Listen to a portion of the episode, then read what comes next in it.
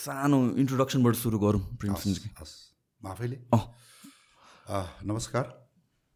म प्रेमसिंह बस्नेत। म रिटायर्ड नेपाली सेनाको सहायक रथी ब्रिगेडियर जेनरल। म professor Leshan normal university China. अब त्यसपछि काठमाडौँ युनिभर्सिटी नेपालिज आर्मीहरूको विभिन्न इन्स्टिट्युसनको आइएम भिजिटिङ प्रोफेसर काम गर्छु। र मलाई मन परेको विधाहरूमा म धेरै युट्युबमा म बोल्छु। यो हिस्ट्री कल्चर हेरिटेजको प्रिजर्भेसनमा म हिँडिरहेको छु। र मैले धेरै आर्टिकलहरू पनि लेख्छु म अङ्ग्रेजी नेपालीमा विशेष गरेर यो international security security military history history international relation. र मैले करिब अठारवटा हो कि उन्नाइसवटा ती ठुलो साना किताबहरू पनि लेखेको छु। र फाइनल्ली मैले भन्नुपर्दा नेपाल म्युजियम एसोसिएसनको म अध्यक्ष हुँ र मैले अहिले यो फेरि पनि भने देशको सम्पदा संस्कार र संस्कृतिको एउटा इन्हान्समेन्ट प्रिजर्भेसन र यो प्रसारणको लागि पनि म पनि लागिरहेको छु। यिनै मेरो एउटा परिचय हो अब मैले भन्नुपर्दा। जस्तो कि तपाईँलाई हिस्ट्रीमा इन्ट्रेस्ट छ भनेर भन्नुभयो होइन। एकदमै। यो हाम्रो हिस्ट्री बिस्तारै बिस्तारै मिटाउँदै गइरहेको छ लुक लुकाउँदै गइरहेको छ भनेर भनिन्छ नि त। होइन? पहिला पहिलाको हिस्ट्रीहरू मिटाउनु खोजिरहेको छ। त्यसले लङ रनमा त अब हाम्रो न्यू जेनेरेसन्सहरूले त बिस्तारै बिस्तारै बिर्सिनै लागिसक्यो कि यो कुराहरू तपाईँले असाध्यै महत्त्वपूर्ण कुरा गर्नुभयो। म मेरो म विशेष गरेर मिलिट्री हिस्ट्री हिस्ट्रीको म एउटा विद्यार्थी हुँ। र यो इतिहास भनेको चाहिँ कस्तो भन्दा history the mother of political science science भन्छ। हेर्नुहोस्। हामीले पोलिटिकल साइन्स पढ्ने हो र इतिहास यो हिस्ट्री दुइटै राजनीतिक शास्त्र र इतिहास दुइटै पढ्दाखेरि नाइन्टी एट पर्सेन्ट कुरा त्यही हो। होइन? भन्दाखेरि अहिले नेपालमा विशेष गरेर कस्तो भइदियो भन्दा एउटा यो राजनैतिक प्रतिशोध कुनै कालखण्डलाई एउटा राजनीतिक प्रतिशोध कुनै अब लेट्स से अब राणाहरू एकतन्त्री थिए अथवा राजाहरू पनि एकदम निरङ्कुश थिए। अब अहिलेको मान्छेहरूको डेफिनेसनमा र अब अहिलेका चाहिँ एकदम अब यो लोकतन्त्रवादीहरू भयङ्कर उदारवादी भनेर यो विक्रमसम्म दुई हजार त्रिसठी साल पछि इस्वी सम्मत भन्नुपर्दा मलाई लाग्छ टु थाउजन्ड सिक्स पछिको जुन एउटा पोलिटिकल यो जुन एउटा तपाईँको प्याराडाइम जुन जुन हाम्रो राजनीतिक नेतृत्वहरूले यो टु थाउजन्ड सिक्स एडी र दुई हजार त्रिसठी विक्रमसम्म अगाडिको इतिहासलाई एउटा यो ब्ल्याक हिस्ट्रीको तरिकाबाट जुन अहिले व्याख्या गर्न थालियो यो एकदमै गल्ती छ। इतिहास भनेको कुरा कालो हुन्छ ब्ल्याक पनि हुन्छ वाइट पनि हुन्छ ग्रे पनि हुन्छ। तपाईँको ब्ल्याक भनेको कुनै अब मेबी देशले जस्तो अब जर्मनमा कुरा गर्ने हो भनेदेखि हिटलरले जुज सुज मारेको अथवा यो आदिलाई उनीहरूले they describe as a black history तर द्याट इज हिस्ट्री अहिले पनि अब अर्को वाइट भनेको तपाईँको उनै छ। अब एकदम सफेद इतिहासहरू छ। ग्रे चाहिँ कस्तो भन्दा तपाईँको एकदम राम्रोसँग यसको चाहिँ उत्खनन भइ नसकेको भन्दाखेरि यो इतिहास भनेको कालो गोरो सेतो जस्तो पनि हुन्छ। हाम्रो चाहिँ यो आगामी दिनहरूमा आगामी जेनेरेसनहरूको लागि यो एउटा जग हो यो। तपाईँ पोलिट पोलिटिकल इन्हान्समेन्ट इकोनोम तपाईँको आर्थिक समृद्धि सांस्कृतिक समृद्धि समृद्धि राजनीतिक समृद्धि हरेक किसिमको तपाईँको धार्मिक समृद्धि हरेक रूम यो भनेको के थियो भन्दा हाम्रो देशको एउटा परम्परा के थियो? यसलाई तपाईँको एउटा कस्टमरी ल भन्छ हेर्नुहोस् कानुनमा। कुनै पनि कानुनहरू कस्तो हुन्छ भने देश देशको फरक हुन्छ। किन भन्दा त्यो देशको धर्म समाज संस्कृति प्रचलनले के मान्दै आइरहेको थियो त्यसको जिस निकालेर मुलुकी ऐन कानुन बनाइन्छ त्यसमा बेस गरेर संविधान बनाइन्छ। हेर्नुहोस् नेपालमा बनेका कानुन संविधानहरू तपाईँ पाकिस्तान अथवा साउदी अरबमा जानुभयो भने टेन पर्सेन्ट पनि अप्लाई हुनसक्छ किनभने उनीहरूको आफ्नो अहिले त्यहाँ। हामी युरोपियन कन्ट्रिजमा गयौँ भनेदेखि साउदी अरेबियन अथवा अरू देशको कानुन त्यहाँ टेन पर्सेन्ट अप्लाई हुँदैन भन्दा मैले कस्टम सिस्टम कल्चरमै बाइन्डेड हुन्छ हरेक देशको नियम कानुनहरू भन्दा हामीले यदि इतिहासलाई इतिहास भनेको त धर्मको इतिहास हुन्छ राजनीतिको इतिहास हुन्छ तपाईँको खेलकुदको इतिहास हुन्छ तपाईँले खानेकुराको इतिहास हुन्छ तपाईँको शहीदको इतिहास छ व्यक्तिको इतिहास छ धर्मलालको इतिहास छ गणेशमानको इतिहास छ धर्मभक्तको इतिहास छ विश्वेश्वरको इतिहास छ पृथ्वीनारायण शाहको इतिहास छ राजा प्रतापमल्लको इतिहास छ। हरेक चिजको तपाईँको इभोल्युसन भनेको द्याट हिस्ट्री भन्दा। यो सबै चिज भनेको तपाईँको देशको एउटा ऐना हो पहिलाको ऐना। यो जग हो यसमा बेस्ट गरेर हाम्रो राजनीति अगाडि बढ्यो भने यसले डेफिनेटली राजनीति भनेको फेरि सबै आम अब दर्शकले बुझ्नुपर्छ भने राजनीति भने चाहिँ मेन चाहिँ एउटा खम्बा हो। इट्स स्पाइनल कर्ड यो सबै अरू आर्थिक धार्मिक सांस्कृतिक सबै चिजले सपोर्टेड भएर चाहिँ एउटा राजनीतिक तपाईँको चाहिँ एउटा बिम्ब बनेको हुन्छ। भन्दा यदि हामीले यसलाई हिस्ट्रीलाई माइनस गर्ने हाम्रो इतिहासलाई लत्याएर अगाडि बढ्ने हो भने यो चिज चाहिँ तपाईँको स्टेबल हुँदैन। यो देशमा किन अहिले? हामी त प्रष्टवक्ता छौँ। हामी कुनै पनि राजनीतिक पार्टीसँग अफिलिएटेड छैन। हो ठिक छ भोलि भोट कसैलाई हालिएला। तर त्यो होइन किन? संसारको धेरै देशमा हामी लडाइँ परेको ठाउँमा लडाइँ नहोस् भन्नको लागि हामी काम गरेर आयौँ। देशमा द्वन्द्व हुँदा लडाइँ लड्यो माओवादीहरूसँग। सो मेनी हाम्रो तपाईँको मेरो पनि व्यक्तिगत अनुभव छ भन्दा यो चिज किन हुन्छ? श्रीलङ्कामा किन भयो? एउटा जातिको तपाईँको इतिहास मेच्न खोजियो। होइन? अहिले इन्डियामा किन द्वन्द्व आइरहेछ? मुस्लिमहरूले भन्छ हाम्रो हिन्दू यो मोदीले यो गर्यो त्यो गर्यो। मोदीले भन्छ यो त्यो। भन्दा तपाईँले यदि इतिहासलाई मास्न खोज्नुभयो भने एउटा कालखण्ड थियो नि त। हाम्रो हाम्रो देशमा त तपाईँको लिच्छिवी कालको इतिहासको लिगेसीहरू अहिले थुप्रै ठाउँमा मठ मन्दिर दुनियाँ दुनियाँ छ। किराँतकालको छ? इभेन तपाईँको आकाश भैरवको मन्दिर इन्द्रचोकको दाइडी किराँतकालीन हो र सो मेनी तपाईँको युल गेट इट धुम्बराई सुम्बराई आदि इत्यादि। त्यसपछि मल्लकाल त स्वर्णयुग थियो नेपालको मठ मन्दिरमा। हेर्नुहोस्। र त्यो त्यो त्यो एउटा सम्पत्ति थियो। अहिलेसम्म पनि मल्लकालको सम्पत्तिले त्यो त्यो त्यो नेपाल वाज द फु तपाईँको फुल अफ गोल्डन टेम्पल्स भएर त संसारमा लेखिएको कुरा हो भन्दाखेरि एउटा स्वर्णिक थियो भन्दा। त्यसपछि गएर तपाईँको शाहकालीनहरू आयो यो गोर्खाबाट भन्दा।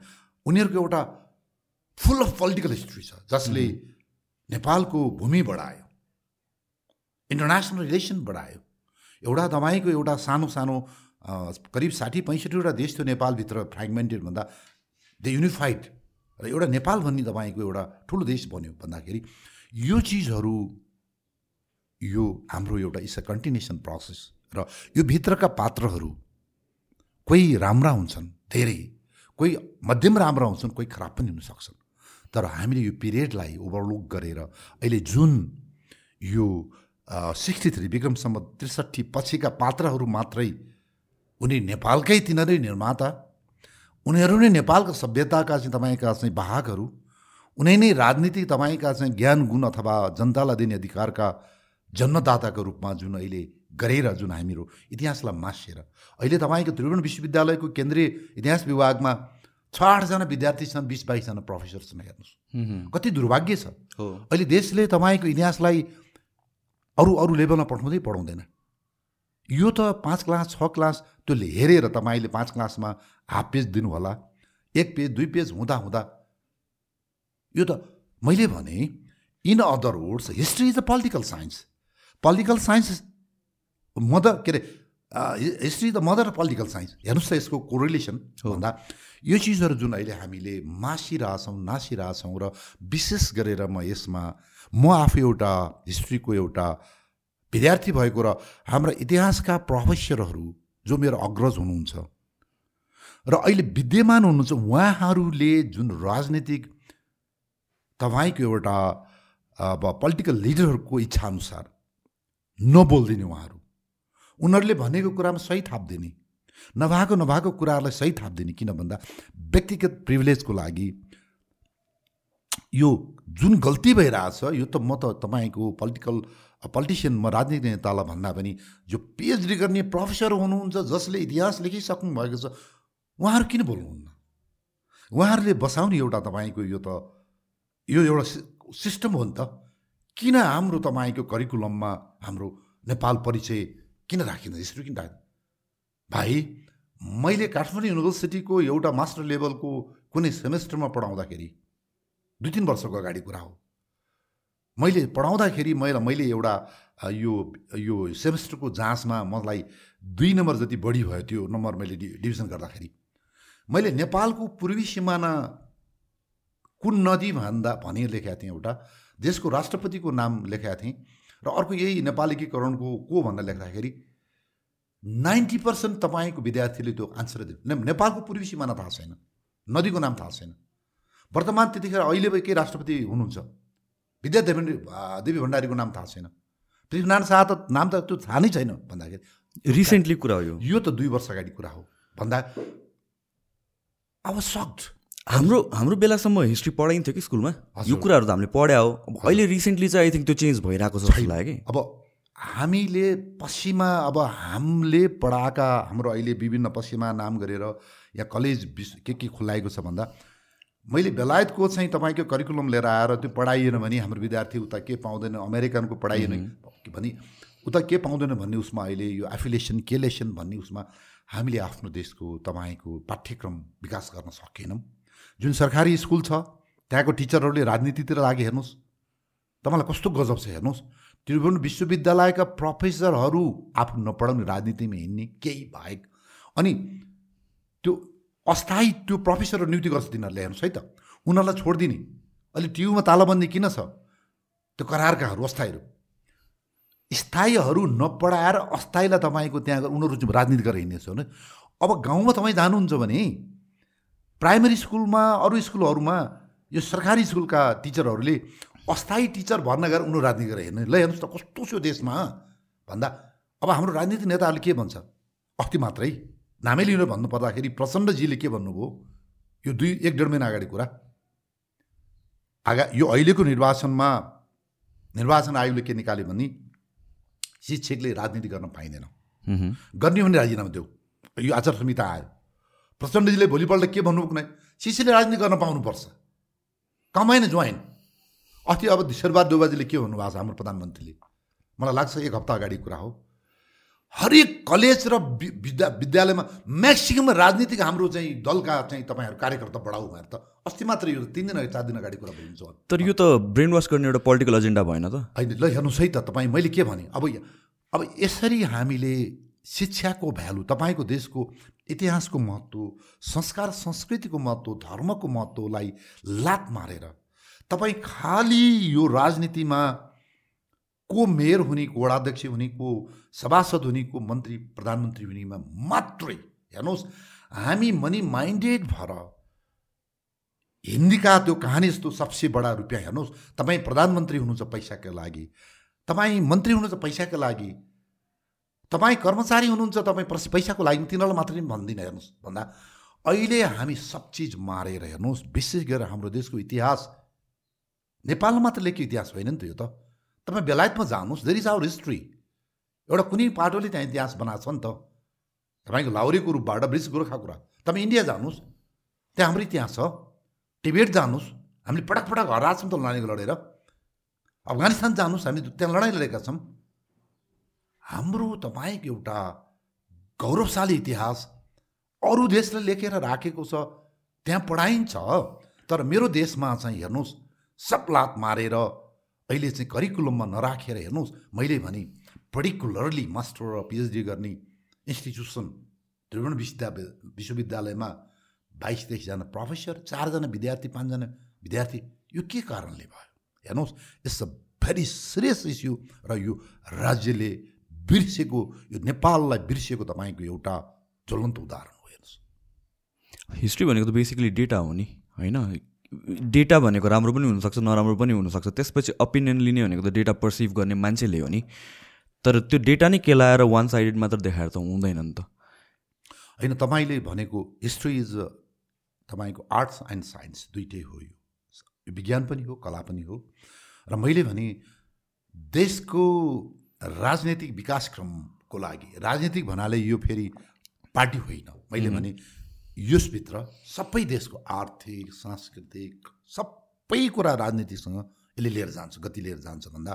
र मेन बेस्ट पोलिटिक्सको आमा तपाईँको इतिहास भन्ने विश्व मान्यता छ भने तपाईँ आमै राजनीति गर्ने नेताहरूले आमालाई मारिरहेको छ देशमा त। र यो मार्न सहयोग गर्ने को भन्दा इतिहास पढाउने प्रोफेसरहरू। इतिहासमा पिएचडी गर्ने professor doctor साहबहरू. They are not going to speak तपाईँ single word in favour of the history हेर्नुहोस् कति चाहिँ तपाईँ दुःखदायी कुराहरू छ। त्यसको लागि म तपाईँको यो टिभी मार्फत म भन्छु म म देशको विभिन्न उसमा म हिँडिरहेको छु डुलिरहेको छु सार्वजनिक उसबाट पैसा उठाएर म युट्युब बनाइरहेको छु किताब लेखिरहेको छु मेरो फेसबुक हेर्नुहोस् फुल अफ हिस्ट्री राजनीति जसले पनि गर्छ। तपाईँ जर्नलिस्ट जो पनि हुन्छ आइजिपी जो पनि हुन्छ मन्त्री जो पनि हुने भयो देशमा। तर इतिहास पढ्ने व्यक्ति तपाईँको देशलाई माया गर्ने व्यक्ति तर म मात्रै भन्नु खोजे होइन म माया गरेँ। तपाईँ गर्नुहुन्छ तर के भन्नुहुन्छ? यदि देशको इतिहास मर्छ भने तपाईँको देशको एउटा आइडेन्टिटी यो मर्छ हेर्नुहोस्। यो मार्ने जुन एउटा हाम्रो भाषा मार्ने इतिहास मार्ने चाहिँ यो इन्टरनेसनल स्ट्राटेजी हेर्नुहोस्। विशेष गरेर पश्चिमाहरूले हाम्रो यो पूर्वीय संस्कार संस्कृतिलाई मार्ने उनीहरूको अहिलेदेखिको होइन। करिब दुई तिन सय वर्ष अगाडिदेखिको उनीहरू उनीहरूको कन्टिन्युसन उनीहरूको इफोर्ट छ हेर्नुहोस् देशमा भन्दा। यो पछिल्लो उसमा आएर पढे लेखेकै पिएचडी गर्ने विद्यार्थी के अरे स्कलरहरू प्रोफेसरहरू अब अरू विधाकाहरूलाई उनीहरूले किनेर जुन देशमा तपाईँको इतिहास मार्ने हाम्रो धर्म मार्ने हाम्रो संस्कृति मार्ने जुन अहिले उनीहरू सफल भएका छन् तर पात्र हामी आफै युज भएका छन्।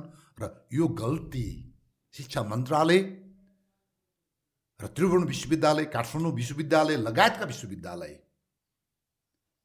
ती तपाईँको प्रोफेसरहरू कुलपति उपकुलपति त्यो विश्वविद्यालयको मात्रै सन् तपाईँको सम्पत्ति होइन। तिनीहरू संसार if you are an academic person तपाईँ एउटा प्राज्ञ व्यक्ति भने त तपाईँको तपाईँ आफ्नो मात्रै परिवारको देश तपाईँ संसारको तपाईँ सम्पत्ति हो नि त।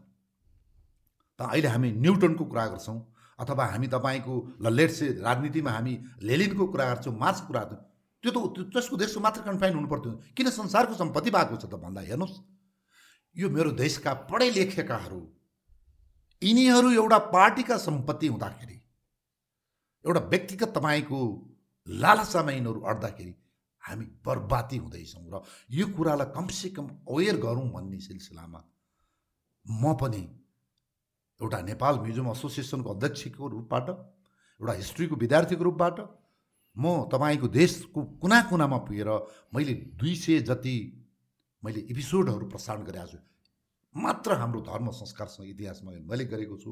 It's a very serious aspect र यो विशेष गरेर हाम्रो युवा सन्ततिको लागि हामीले मेरो भोलिको जेनेरेसनलाई हामीले के बुझाउने के दिने? नेपाल भनेको के हो त? हामीले कसरी उनीहरूलाई चाहिँ बुझाउने? के त नेपाल भनेको तपाईँको? के खान्थ्यौँ हामी? त्यही फिस एन्ड चिप्स खान्थ्यौँ हामीले? त्यही चाउ चाउ र तपाईँको मोमो खान्थ्यौँ? त्यही छ्याङ खान्थ्यौँ हामीले? हाम्रो के थियो? लुगा के थियो? त नेवार जातिको के छ स्पेसियालिटी हेर्नुहोस्। तामाङहरूको के छ? हाम्रो इतिहास के छ? हाम्रो बाइस चौबिस राज्यभित्रको हाम्रो चाहिँ तपाईँको आइडेन्टिटी के थियो पहिला?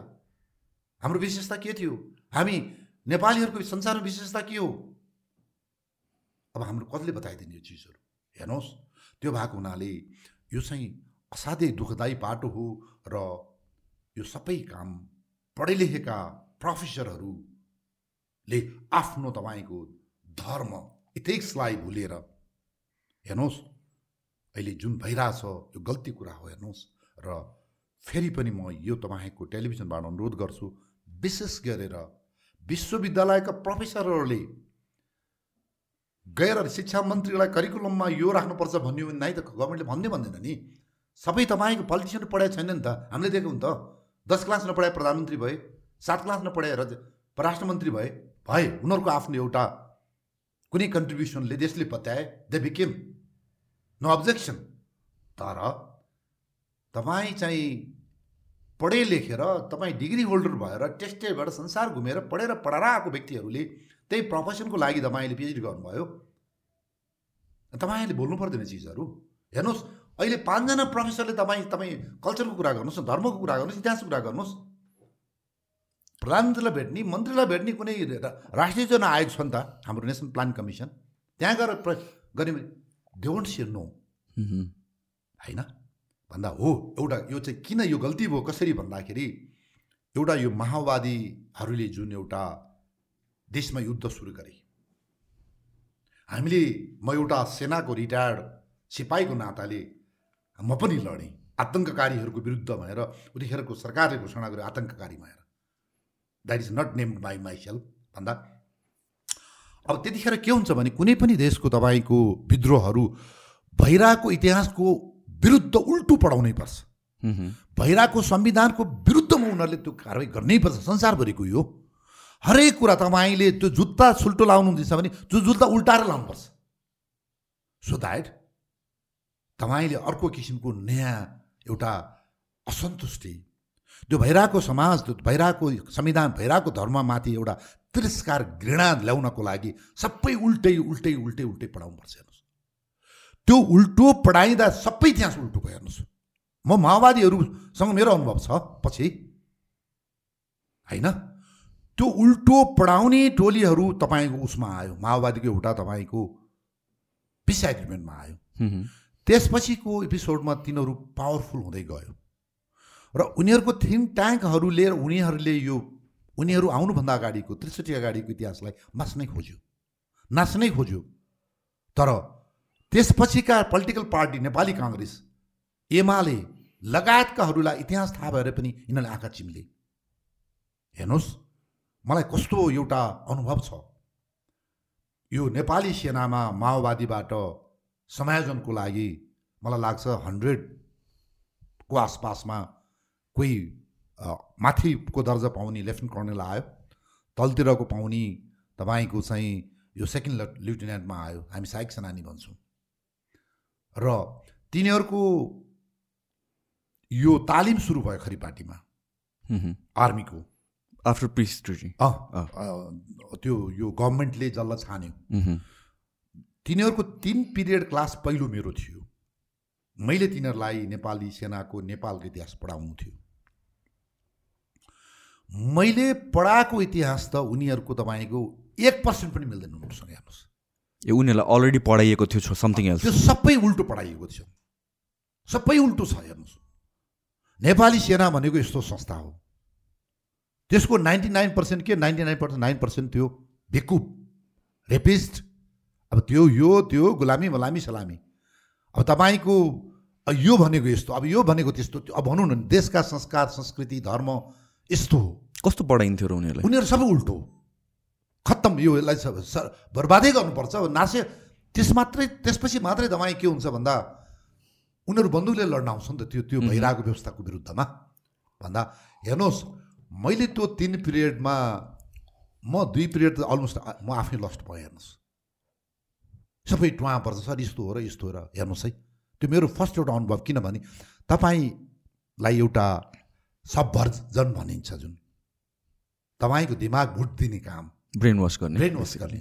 त्यसलाई सबभर्जन भन्छ भाइ। हेर्नुहोस् हरेक देशको विद्रोह गर्दा चाहे तपाईँको इन्सर्जेन्सीमा होस् चाहे तपाईँको टेरोरिजम होस् चाहे एक देशले अर्को देशको विरुद्धमा लडाइँ लड्दा होस् यो दिमाग भुट्नै पर्छ र त्यो दिमाग भुटिँदाखेरि हाम्रो देशको धेरै चिज भुट्यो।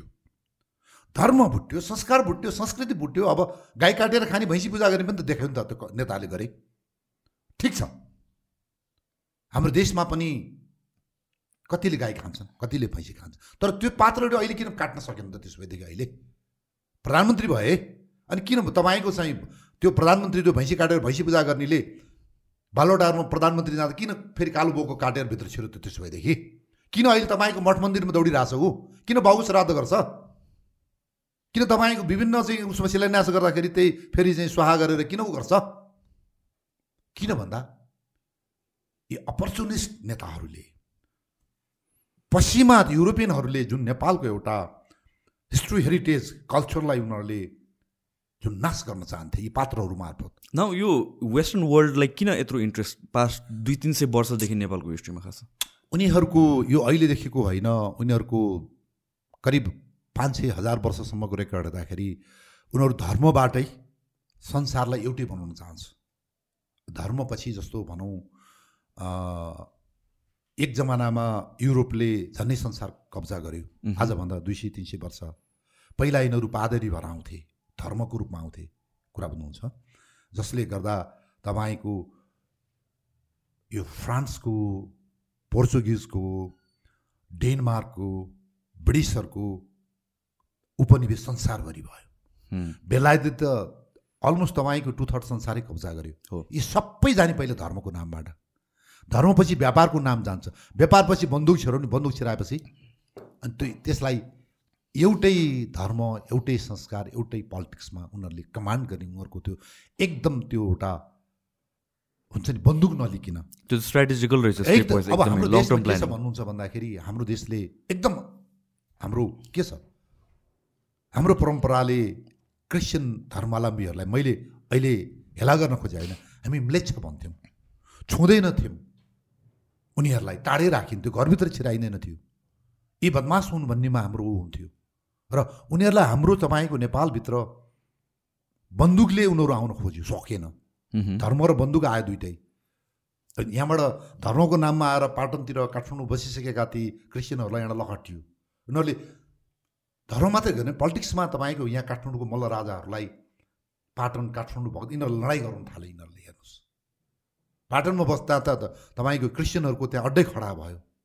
मारामार सुरु गरायो। यो छ प्रधानलाई उचाल्ने यो चाहिँ तपाईँको क्रिस्चियनहरू थियो। यो चिजहरू सबै। पछि पृथ्वीनारायण शाहलाई ठाउँ ठाउँमा उनीहरूले एम्बुस थापेर मार्न खोज्यो। भन्दा मैले के भने यदि तपाईँको धर्मले आफ्नो बाटो बिराउँदैन भने त्यो रियली कुनै पनि संसारको धर्म एउटै हो भाइ। हामी डिफाइन गर्ने अथवा प्रे गर्ने तरिका फरक छ। तर त संसार त- धर्म त एउटै हो भने मतलब ईश्वर त एउटै हो। यदि धर्मले आफ्नो एउटा इथिक्स काटेर राजनीतितिर लाग्छ भने फेरि त्यो धर्म हुँदैन। कुनै पनि चाहे तपाईँ हिन्दू हुनुहोस् चाहे क्रिस्चियन भन्नुहोस् चाहे बोन भन्नुहोस् चाहे जेसै भन्नुहोस् भन्दा यसरी यो क्रिस्चियन धर्महरूले सुरुमा धर्मको नाममा आउँछ यिनीहरू र पछि यिनीहरू पोलिटिक्समा यिनीहरू व्यापारमा सेकेन्ड फेज व्यापार थर्ड फेजमा पोलिटिक्समा कन्भर्ट हुन्छ बन्दुक लिएर आउँछ भनेपछि। यो अहिले जुन पारा यो यो यो तपाईँको उनीहरूको एउटा कल्चर अहिले पनि नेपालमा उनीहरू आइरहेछ एनजिओको रूपबाट आइरहेछ अहिले त धेरै नेपालमा। र उनीहरूले यो देशको हाम्रो एउटा हेर्नुहोस् मुस्लिम धर्मलाई पनि उनीहरू यत्तिकै नाच्न खोज्छ। मुस्लिममा त उनीहरूले धेरै राष्ट्रलाई त अमेरिकन लगायतहरूले त एउटा इभिल स्टेट रक स्टेट भनेर भन्छ अब कति देशहरूलाई होइन? उनीहरू कति तपाईँको कडा छ त्यो मुस्लिमहरू? उनीहरू तपाईँको त्यो धर्मको लागि मर्दिन्छ। मेरो देशमा के थियो हेर्नुहोस्? मेरो देशमा पनि तपाईँको नेपाल अङ्ग्रेज युद्ध अथवा नेपाल एकीकरण युद्धमा धर्मको नामबाट. They wanted to sacrifice their life हेर्नुहोस् तपाईँलाई घरबाट लडाइँमा युद्धमा जाने बेलामा बाबु आमाले उसको श्रीमतीले बाह्र चौध वर्षको श्रीमतीले त्यतिखेर सानै बिहा हुन्थ्यो। तपाईँ देशको लागि मर्नु परे पनि तपाईँहरू चाहिँ तपाईँ तिमी चाहिँ ऊ नगर है। तिमी स्वर्ग पुग्छौ भनेर आशीर्वाद दिएर पठाउँथ्यो नि त। हेर्नुहोस् धर्म भनेको कुरा it enhances your political capability हेर्नुहोस्। एउटा अनुशासन हो त धर्म त। इट्स अनरिटेन तपाईँको संविधानमा लेखेको कुरा नि होइन तपाईँको कानुन लेखेको कुरा नि होइन। तपाईँको बहिनीलाई खुट्टालङमा लात्ती लाग्यो भने तपाईँ किन ढोक्नुहुन्छ कहीँ लेखेको त छैन नि। किन पश्चिमाले ढोक्दैन यसको कारण के रहेछ? यसको कारण पत्ता लगाउनु मलाई दुई तिन वर्ष लाग्यो। बल्ल बल्ल बल्ल बल्ल बल्ल हेर्नुहोस्। आई वाज कन्भिन्स के भन्दा? पश्चिमाहरूले अथवा मुस्लिमहरूले आफ्नो यो तेह्र दिने दाजुभाइ इभन स्टेप सिस्टरहरूलाई मुस्लिम कन्ट्रीमा त स्टेप सिस्टर्समा बिहा गर्न सकिन्छ। पश्चिमाहरूले के के गर्छन् मलाई थाहा छैन। मेरो चाहिँ हाम्रो तपाईँको सनातन धर्मावलम्बीले के गर्दो रहेछ भन्दा तपाईँको बहिनीसँग आमासँग फुपूसँग एउटै ब्लडमा त्यो तपाईँ यङ भएपछि म यङ भएपछि त्यो व्यविचार नबढोस्। पाप लाग्छ। तपाईँको लात्तले छुयो हातले छुँदा नि पाप लाग्छ है। ढोक त्यहाँ। हेर्नुहोस् है त हामीलाई कसरी त्यो एउटा समाजमा तपाईँको एउटा संस्कार छ। एउटै रगतमा हाम्रो विवाह हुनु हुँदैन। हाम्रो धर्मले के भन्छ दस पुस्ता। कारण छ नि त साइन्टि साइन्टिफिक रिजनहरू रहेछ नि त। भन्दा मैले धेरै खोजेँ हेर्नुहोस् यसमा। नेपालका धेरै धर्मगुरुहरूलाई खोजेँ तर एउटै आर्मीको रिटायर्ड जनरल साहबले मलाई उहाँ धर्ममा खुबै आस्था राख्नुहुन्थ्यो। उहाँको नाम retired major general Rajendra Bahadur Karki जो चाहिँ अहिले तपाईँको काठमाडौँको यो तिन थानाभन्दा उता के अरे नैकापमा बस्नुहुन्छ। आफ्टर मेनी इयर्स म सुर्खेतमा म महासेनानी फुल कर्नल थिएँ। उहाँ मेजर जनरल हुनुहुन्थ्यो। देन आफ्टर आई कन्भिन्स उहाँले धेरै कुराहरू उहाँले मलाई धर्मको बारेमा ऊ गर्नुभयो। आई कन्भिन्स तर धर्मगुरुहरूले मलाई कन्भिन्स गर्न सकिँदैन हो आई अग्रिड हेर्नुहोस् भन्दाखेरि यो चिजहरू हामीहरूमा छ नि त विभिन्न हाम्रो चाडपर्वमा छ भन्दा के भन्दा यो अलिखित संस्कार संस्कृतिले तपाईँको देशलाई तपाईँको समाजलाई परिवारलाई अनुशासनमा राख्छ हेर्नुहोस् without your culture without your history तपाईँको देश कस्तो हुन्छ भन्दा छाडा हो त्यहाँ संविधान हुन्छ कानुन हुन्छ तर के भन्दाखेरि त्यहाँ नैतिकता हुँदैन। संस्कार हुँदैन। हेर्नुहोस् तपाईँले पाँचवटा डिग्री तपाईँमा पिएचडी गर्नुहोस्। तर तपाईँमा संस्कार छैन। संस्कार भनेको धेरै कुरा छन्। सायद देशको माया होला तपाईँको आमा बाबाप्रति गर्ने होला तपाईँको धर्मप्रति गर्ने होला आफ्नो तपाईँको इतिहासप्रति गर्ने तपाईँको सम्मानहरू होला त्योभन्दा बरु अल अनपढ व्यक्ति इलिटरेट पर्सन जो संस्कारी छ त्यो तपाईँको मोर भ्यालुएबल हुन्छ देशको लागि हेर्नुहोस्। हाम्रो देशको नेताहरू हेर्नुहोस् अहिले कति नेताहरू पढे लेखेर के गर्ने? खालि विदेशीको लागि मात्रै हामी काम गरिरहेको छौँ। सो वाट त्योभन्दा त जुम्लामा अथवा ऊ त्यो भक्तपुरमा अथवा त्यो पाटनमा हाकु पटासी बनेर तपाईँको त्यो खेतमा काम गर्ने त्यो तपाईँको नोल्लाएर त्यो चाहिँ तरकारी खाना बोकेर लिएर आएर बजारमा फेसिलेट गर्ने होला उसको चाहिँ एउटा श्रमको केही पैसा लिन्छ होला। मच मोर तपाईँको ग्रेटर मच मोर तपाईँको एउटा भ्यालुएबल तपाईँको एसेट हो देशको लागि। कुरा बुझ्नुहुन्छ भन्दा मैले के भन्छु? पहिला हाम्रो एउटा प्रोभर्ब थियो उखान टुक्का कुलको छोरी र मूलको पानी को प्रयोग गर्नु। कुलको छोरी। तपाईँ विवाह गर्नुहुन्छ भने कुल भनेको संस्कार हो। जसले धर्म जानेको छ इतिहास जानेको छ आफ्नो रूपबाट। आफ्नो घरमा नाता कुटुम्ब अब कसलाई के के व्यवहार गर्ने हो त्यो? द्याट्स अ कुल हाम्रो तपाईँको उसले कहिले पनि they you never talk talk about the wealth हेर्नुहोस् प्र धनको सम्पत्तिको धनीको छोरी बिहा गर्नु कहिले पनि भनेको छैन। हेर्नुहोस् अर्को मूलको पानी भनेको यो कुवाको अथवा यो इनारको पानी चाहिँ यो भ्याकुताहरूको जुन वृष्टि ऊहरू हुन्छ त्यो त्यहाँ मिसिसकेपछि अलि मान्छेहरू चाहिँ अलिक अलि ऊ हुने के स्ल्याङ के अरे स्ल्याक हुने अलि तपाईँको मिलिट्री पर्पजमा त्यति न नखटिने अब आदि इत्यादि कुराहरू लेखेका छन् भन्दा यो बगेको धाराको पानी खाऊ। तपाईँले त्यसलाई अब रगतलाई के गर्छ के गर्छ अब मसँग त्यो साइन्टिफिक प्रुफ छैन भन्दा मूल भनेको त्यो हो भन्दा हाम्रो परम्पराले भनेको कुरा हो क्या कुलको छोरी मूलको पानी। भन्दा always it talk talks about your तपाईँको एउटा संस्कार संस्कृति। भन्दा यो चिजहरू हामी अहिले पश्चिमाकरणको नाममा। तपाईँको के हो यो? अब यो पश्चिमा या उसको नाममा हामी अमेरिका जाने नाममा बेलायत जाने नाममा हामी जुन चिजले हामी मारिरहेका छौँ विशेष गरी हाम्रो पोलिटिकल नेतृत्वबाट जुन मार्ने काम भइरहेछ यो दुःखदायी छ र आम नेपाली विशेष गरेर युथ तपाईँले बुझ्नुपर्छ। म एउटा मैले एउटा तपाईँलाई उदाहरण दिन्छु। म जापानमा कुनै एउटा पेपर प्रेजेन्टेसनलाई म तिन वर्ष अगाडि यति यो ठ्याक्कै यो पेन्डेमिकको अगाडि पुगेँ। त्यहाँ अङ्ग्रेजी पढ्नलाई साह्रै महँगो। त्यत्रो डेभलप नेसन जुन राज्यले यो दुई सय वर्ष डेढ सय वर्ष अगाडि त आदि तपाईँको एसिया खा कन्ट्रोल गर्थ्यो। सेकेन्ड वर्ल्ड वारमा हिरोसिमा नागा नागासाकीमा तपाईँ बम नहाने भए त त्यो जापान कत्रो थियो कत्रो थियो भन्दाखेरि। अनि मलाई एकजना चाहिँ बेलायतमा मास्टर गरेर आएको मान्छे मेरो लागि भनौँ न एउटा साथीको रूपबाट दोभाषी पनि हुने भएर मलाई दिएको रहेछ। उसको अङ्ग्रेजी त्यति राम्रो छैन तैपनि अनि मैले उसलाई सोधेँ अनि किन तेरो यस्तो अब मास्टर गरेर आएको? अनि उसले के भन्यो भन्दाखेरि यो देशमा अङ्ग्रेजी पढ्नलाई अरू एजुकेसन पढेको भन्दा तिन चार गुणा बढी पैसा दिनुपर्छ। र हाम्रो देशले विदेशमा गएर काम गर्न विदेशमा गएर पढ्नको लागि एकदम उ नदिने क्या। त्यो नजाओस् भन्ने। अनि किन यस्तो भन्दाखेरि हाम्रो धर्म संस्कार संस्कृति राष्ट्रिय एकता बर्बाद हुन्छ यसले गर्दाखेरि। चाइनामा म गएँ धेरैचोटि। चाइनाको तपाईँको ऊ त्यस्तै रहेछ मैले पाएँ हेर्नुहोस् है। अब यसलाई तपाईँले कतिले नराम्रो भन्लान्? कतिले मनन गर्नुपर्छ। फर्स्ट अफ अल त तपाईँको जन्मभूमि हो। तपाईँको मातृभूमि हो। नेसनल सेक्युरिटी नेसनल युनिटी हो नि त। म हेर्नुहोस् मलाई एकदमै तपाईँको मन छोयो हेर्नुहोस् त्यसपछि जापानिजहरूको कुरा सुन्दाखेरि। मैले भोगेको कुरा हो।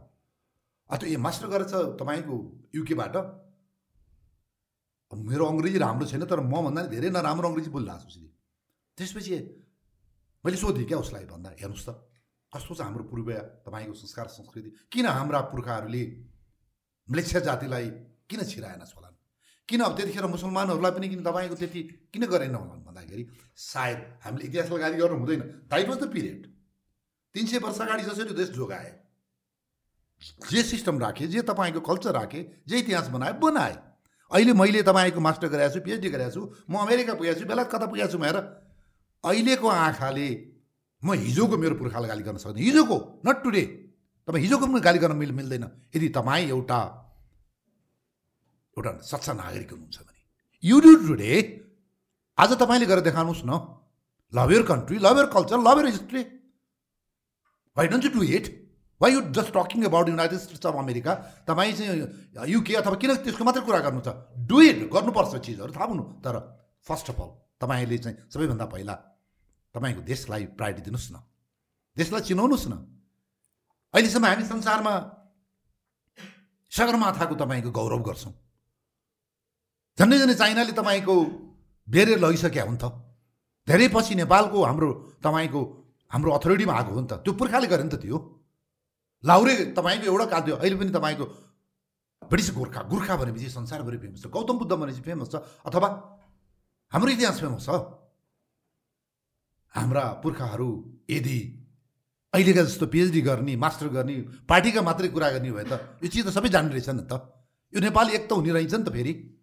हेर्नुहोस् है भन्दा मैले अगेन आई रिमेम्बर जापानिज तपाईँको एउटा कल्चर। अहिले ट्वेन्टी फाइभ सेन्चुरीमा पनि उसले आफ्नो देशको नागरिक हुनुहोस् धेरै बाहिर नजाओस्। नचाहिने कुराहरू त्यसले नल्याओस्। समाज नभाँडोस्। ल जापान कहाँ छ विकासमा? तपाईँले देख्नु भएको छ। तपाईँले देखेको छु नि त। संसारले देखेका छ नि त। चाइनाले त्यसै भन्छ अहिले। भन्दाखेरि अब यो चिजहरूमा हामी बढी हामी चाहिनेभन्दा बढी मोडर्न युरोपियन भयौँ अमेरिकन भयौँ। हामीलाई बढी ह्युमन राइट चाहिन्छ हेर्नुहोस्। हामी काम गरेर हामी खान सक्दैनौँ। हाम्रो हातमा एउटा ठेला छैन हेर्नुहोस्। ठगेर खान्छौँ। सडकको त्यो केटाकेटी तपाईँ काम गरेर खाने त्यो अन्यायमा परेको व्यक्तिको हामी कुरा गर्छौँ तर मानव अधिकारको कुरा गर्छौँ डलरको लागि। हेर्नुहोस् आम नेपालीहरू मानव अधिकार भनेको कुरा चाहिन्छ तर यो कस्तो भन्दा? ढ्याउ भनिन्छ नि तपाईँले। पेटभरि खाइसकेपछि त्यो ढ्याउ गर्नुहुन्छ। त्यो ढ्याउ गर्ने लेभलमा मात्रै तपाईँले यो कुट्टग्यो मानव अधिकार संसारले त्यसपछि मात्रै बनाएको हो क्या यो उद्धा देशले। अब हाम्रो देशमा त हेर्नुहोस्। अहिले बाह्र तेह्र वर्षको केटी मान्छेलाई खेतमा धान रोप्न सिकायो चाइल्ड लेबर हेर्नुहोस् बाल श्रम घरमा तपाईँको आमालाई चाहिँ त्यो भाडा छाडा यता मान्न सिकायो बाल श्रम त्यो बाल श्रम त्यो बाल श्रम ऊ बाल श्रम यो चाहिँ के अरे अबुझ के हो अबुझ के अबुझिङ तपाईँको केटाले केटीलाई? अब यो चिजहरू कति कुराहरू? अब के गर्ने त? मेरो देशमा त अमेरिका र युरोपमा जस्तो त्यो बेगा बेरोजगारी भत्ता दिन सक्दैन। सोसियल सेक्युरिटी हन्ड्रेड पर्सेन्ट छैन। हरेक चिज तपाईँले चाहिँ आफ्नो पाखुरामा भर पर्नु परेछ। हेर्नुहोस् एउटा लेभल नआइकन मैले भन्छु यहाँ गरी खाने भन्दा कराई खाने धेरै। जुन हाम्रो समाज भाँड्नलाई आइएनजिजहरू जुन फुलाइयो देशमा किन अहिले इन्डियाले आइएनजी ल हटिरहेछ अहिले? हेर्नुहोस् कति भाँड्यो अहिले भर्खरको कुरा मोदीले अहिले दुई तिन महिनाभित्र हजारौँ एनजिओको नवीकरण गर्दैन उसले इन्टरनेसनल प्रेसर नो तपाईँ सय रुपियाँ दिन्छु भन्ने अनि पाँच पैसा लगानी गरेर नाइन्टी फाइभ पैसा पन्चानब्बे पैसा उतैले लैजाने त्यो पाँच पैसा नि तपाईँ समाज भाँड्ने मात्रै। यो बिकज अफ दिस थिङ विशेष गरेर नाइन्टिन नाइन्टी पछि र त्योभन्दा बढी हाम्रो टु थाउजन्ड सिक्स पछि जति हाम्रो देशमा हामी संसारका ठुल्ठुला आइएलओको इन्टरनेसनल लेभल अर्गनाइजेसनको कुरा गर्ने त्यो ह्युमन राइटको कुरा गर्ने ह्युमन राइटको कुरा गर्ने तर माखो नमार्ने। हेर्नुहोस् यो चिजले गर्दाखेरि पश्चिमाको हामी परिकल्पनामा हामी जुन हाम्रो चाहिँ एउटा भाषा मासिसक्छौँ हामी प्रज्ञा भवन कमलादी तपाईँले सुन्नुभएको होला त्यहाँ जानुनुभएको होला त्यहाँ प्रज्ञा ऊ छ के अरे राष्ट्रिय प्रज्ञा प्रतिष्ठान हो त्यो के? नेपाल प्रज्ञा त्यहाँको कुलपतिले पश्चिमाको पैसा खाएर हाम्रो नेपाली शब्द कसै उल्टो सुल्टो पारिदिएर छापिएर उसले कति छापिदियो हेर्नुहोस्। त्यो कुरा टाइमली पत्ता लगाएर इन्टरभ्युन भयो सबैबाट। अहिले पनि हुनुहुन्छ त्यो कुलपति। तिन टर्म खानु भइसक्यो उहाँले। पश्चिमाको तपाईँको एनजिओको पैसा खाएर। तब भाषै हो। हामीले चाहिँ नेपालीबाट लेख्नै नपर्ने त्यो रोमनमा चाहिँ अङ्ग्रेजीबाट लेखेर हुने भइसक्यो। हाम्रो तमस हो काग तपाईँको सबै चिज त्यो लेख त्यस्तो त्यस्तो पनि बनाउनु लाग्यो हेर्नुहोस् है त। हेर्नुहोस्। अब कसलाई भन्ने? हेर्नुहोस् हामी सबैलाई प्रधानमन्त्रीदेखि नेतादेखि यहाँका प्राज्ञ म सबै भन्दिनँ केही बाहेक भनिरहेको छु हेर्नुहोस्। हामीलाई सबसे बडा रुपियाँ हुँदाखेरि हामी देशको एउटा पहिचान आइडेन्टिटी हामी गुमाउँदैछौँ। अब तपाईँको नातिको पालामा त नेपालको इतिहास खोज्नलाई पनि अब तपाईँले कि ब्रिटिस लाइब्रेरी लन्डनतिर जानु होला कि अरू चाहिँ विदेशीले बताइदिएका होलान् नत्र तपाईँको क्लासमा कक्षामा यही तरिकाले भने इतिहासको एउटा एबिसिडी कख पनि पढ्या नै छैन हेर्नुहोस्। यो नेपालको एउटा अस्तित्व नै गुम्न सक्छ हेर्नुहोस्। हेर्नुहोस् तपाईँलाई थाहा छ कि छैन? आम दसलाई थाहा छ कि छैन? भारतले नेपाललाई कहिले पनि इन्डिपेन्डेन्ट कन्ट्री मान्दैन। अहिले पनि हाम्रो इतिहास उसको चाहिँ पार्ट अफ द हिस्ट्री भन्छ उसले। पार्ट अफ द इन्डिया भन्छ उसले ग्रेटर इन्डियाको भन्छ। यस्तो स्थितिमा हामी अहिले आफ्नो इतिहास गुमाएर भारतीयलाई नागरिकता बाँडेर म्याक्सिमम् इन्डियनलाई चाहिँ तपाईँको नेपाली बनाइरहेको छौँ नि त हाम्रो नेताहरूले। हाम्रो नेताहरूले नेपाली भाषा त हिन्दी भाषा हुनुपर्छ भनेर राखेका तपाईँका प्रस्तावहरू मैले देखिरहेको छु। म किन यहाँ तपाईँलाई रिकलिङ गरिरहेको छु भन्दा हाम्रो छिमेकीले नेपाललाई ग्रेटर इन्डियाको एउटा पार्ट भनेर अहिले अहिले पनि भन्छ। तपाईँ भारतमा जानुहोस् न अहिले पनि। उनीहरूले खुलेआम भनिदिन्छ। संसारको म्युजियमभरि जानुहोस् न। India is the part of Nepal. Gautam Buddha was born in Nepal के अरे इन्डिया। सबै बनिरहेछ त। यस्तो अवस्थामा हामी आफ्नो संस्कार संस्कृति र इतिहास मासिरहेछौँ भनेदेखि तपाईँले भोलि यो देश कसरी बचाउने? भोलि यतातिर पाहाडतिरको टिबेट साइडका चाइना साइडले उसले मेरो भन्ने। भोट नाम गरे त थुप्रै नेपालमा अहिले पनि छन् नि त ठाउँहरू। अनि इन्डियाको नाम गरे थुप्रै हाम्रा तराईका ऊ छन् भन्दाखेरि भोलि हामीले यसरी हराउने हो भनेदेखि इतिहास मेटिने हो भनेदेखि हाम्रो देशको अस्तित्वको हामी चाहिँ हामी तपाईँको खतरामा रहेको कुरा आकलन गर्न सक्छौँ यो। हेर्नुहोस्। हाम्रो वेस्टतिरको बोर्डर पनि अस्ति इस्युजहरू आएको थियो नि त लिपुलेक एरियातिरको। त्यो अहिले के स्टेटमा छ र के गर्न सक्यो हेर्नुहोस् यो के भन्दा यसमा हामी हाम्रा राजनीतिक नेता अब राजा महाराजालाई पनि अलिकति हामी दोष दिन सक्छौँ। हेर्नुहोस् हाम्रो ग्रेटर नेपाल थियो पूर्वमा टिस्टा नदी पश्चिममा काङ्गडासम्म थियो। यो पुरा म घुमेछु म होइन? मैले मैले देखेँ चिजहरू भन्दा पछि नेपाल अङ्ग्रेज युद्ध भयो हामी मेची महाकालीमा खुम्च्यौँ। खुम्चिसकेपछि हामीले त्यसपछि सोगोलीको सन्धि गरेका छौँ। विक्रम सन् उन्नाइस सय अठार अठार सय त्रिहत्तर साल। एडीमा भन्न पर्दाखेरि अठार सय सोह्र होइन? भन्दा महाकाली खोलो पुरै हाम्रो उसले हामीलाई दिएको छ। महाकाली खोलो पुरै आदि आदि होइन। भन्दा त्यो खोलाले कभर गर्ने तपाईँको त्यो भूभागहरू नेपालको थियो।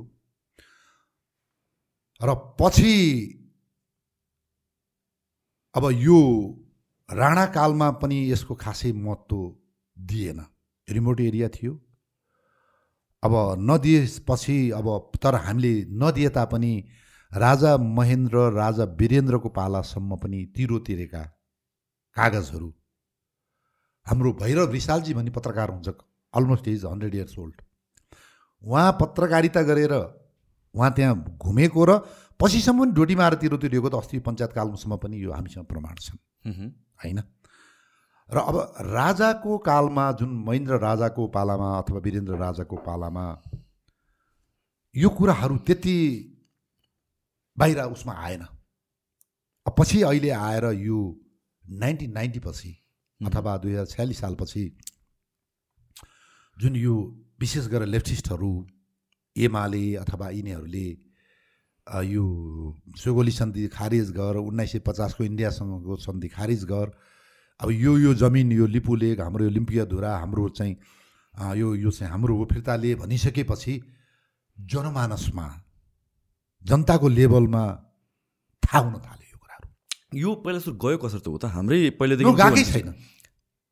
इन्डियाले कन्ट्रोल गर्छ होइन? अहिले कन्ट्रोल गर्छ तर हामीले कस्तो भन्दाखेरि हामीले वास्ता नगरेर हो कि लङ टाइमदेखि यो नाइन्टिन सिक्सटी टूतिर चाइनाको र इन्डियाको लडाइँ हुन्छ। त्योभन्दा अगाडि पनि हाम्रो के भयो भन्दाखेरि जब नाइन्टिन फिफ्टीमा दुई हजार सात साल हो नेपालीमा हामीले उ गर्नुपर्दा राणा शासन थालिसकेपछि नेपाली काङ्ग्रेसले गभर्मेन्टको लिड गर्छ यहाँ। र उसले पटक आज आज दिन मैले पढिरहेको थिएँ। इन्डियाले पटक पटक यहाँ आर्मी डिप्लोय गर्न खोज्दो रहेछ। तिन चार महिना पछाडिबाटै नेपालमा किन? यो त ग्रेटर इन्डियाको एउटा पार्ट बनिरहेको छ त उसले। अनि त्यतिखेर एउटा विजय शमशेर राणा भन्ने राजदूत रहेछ नेपालको। उहाँबाट आर्मी मुभ हुन लाग्दाखेरि त्यो राजदूतले लडेको आज मात्र मैले अमेरिकन राजदूतहरूले त्यतिखेर नेपालमा अमेरिकाको राजदूत आवास नभए पनि इन्डियामा भएको राजदूत आवासले वासिङटन डिसीमा गरेको लेखापढीका एउटा कागज मैले चार पाँच दिन अगाडि एउटा डक्टर एडवार्ड के भन्ने एउटा नेपालमा आउनु भएको छ अमेरिकन। उहाँले लिएर आउनु भएको रहेछ। त्यो डकुमेन्ट मैले हेर्दाखेरि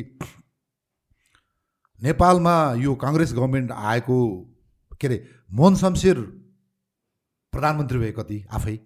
राणैलाई पनि बनायो उसले पनि भन्दा त्यसपछि जब मातृका प्रसाद कोइराला प्रधानमन्त्री हुनासाथ त्यतिखेरदेखि नेपालमा आर्मी पठाउने उसले विभिन्न बाहना गरिरहेछ।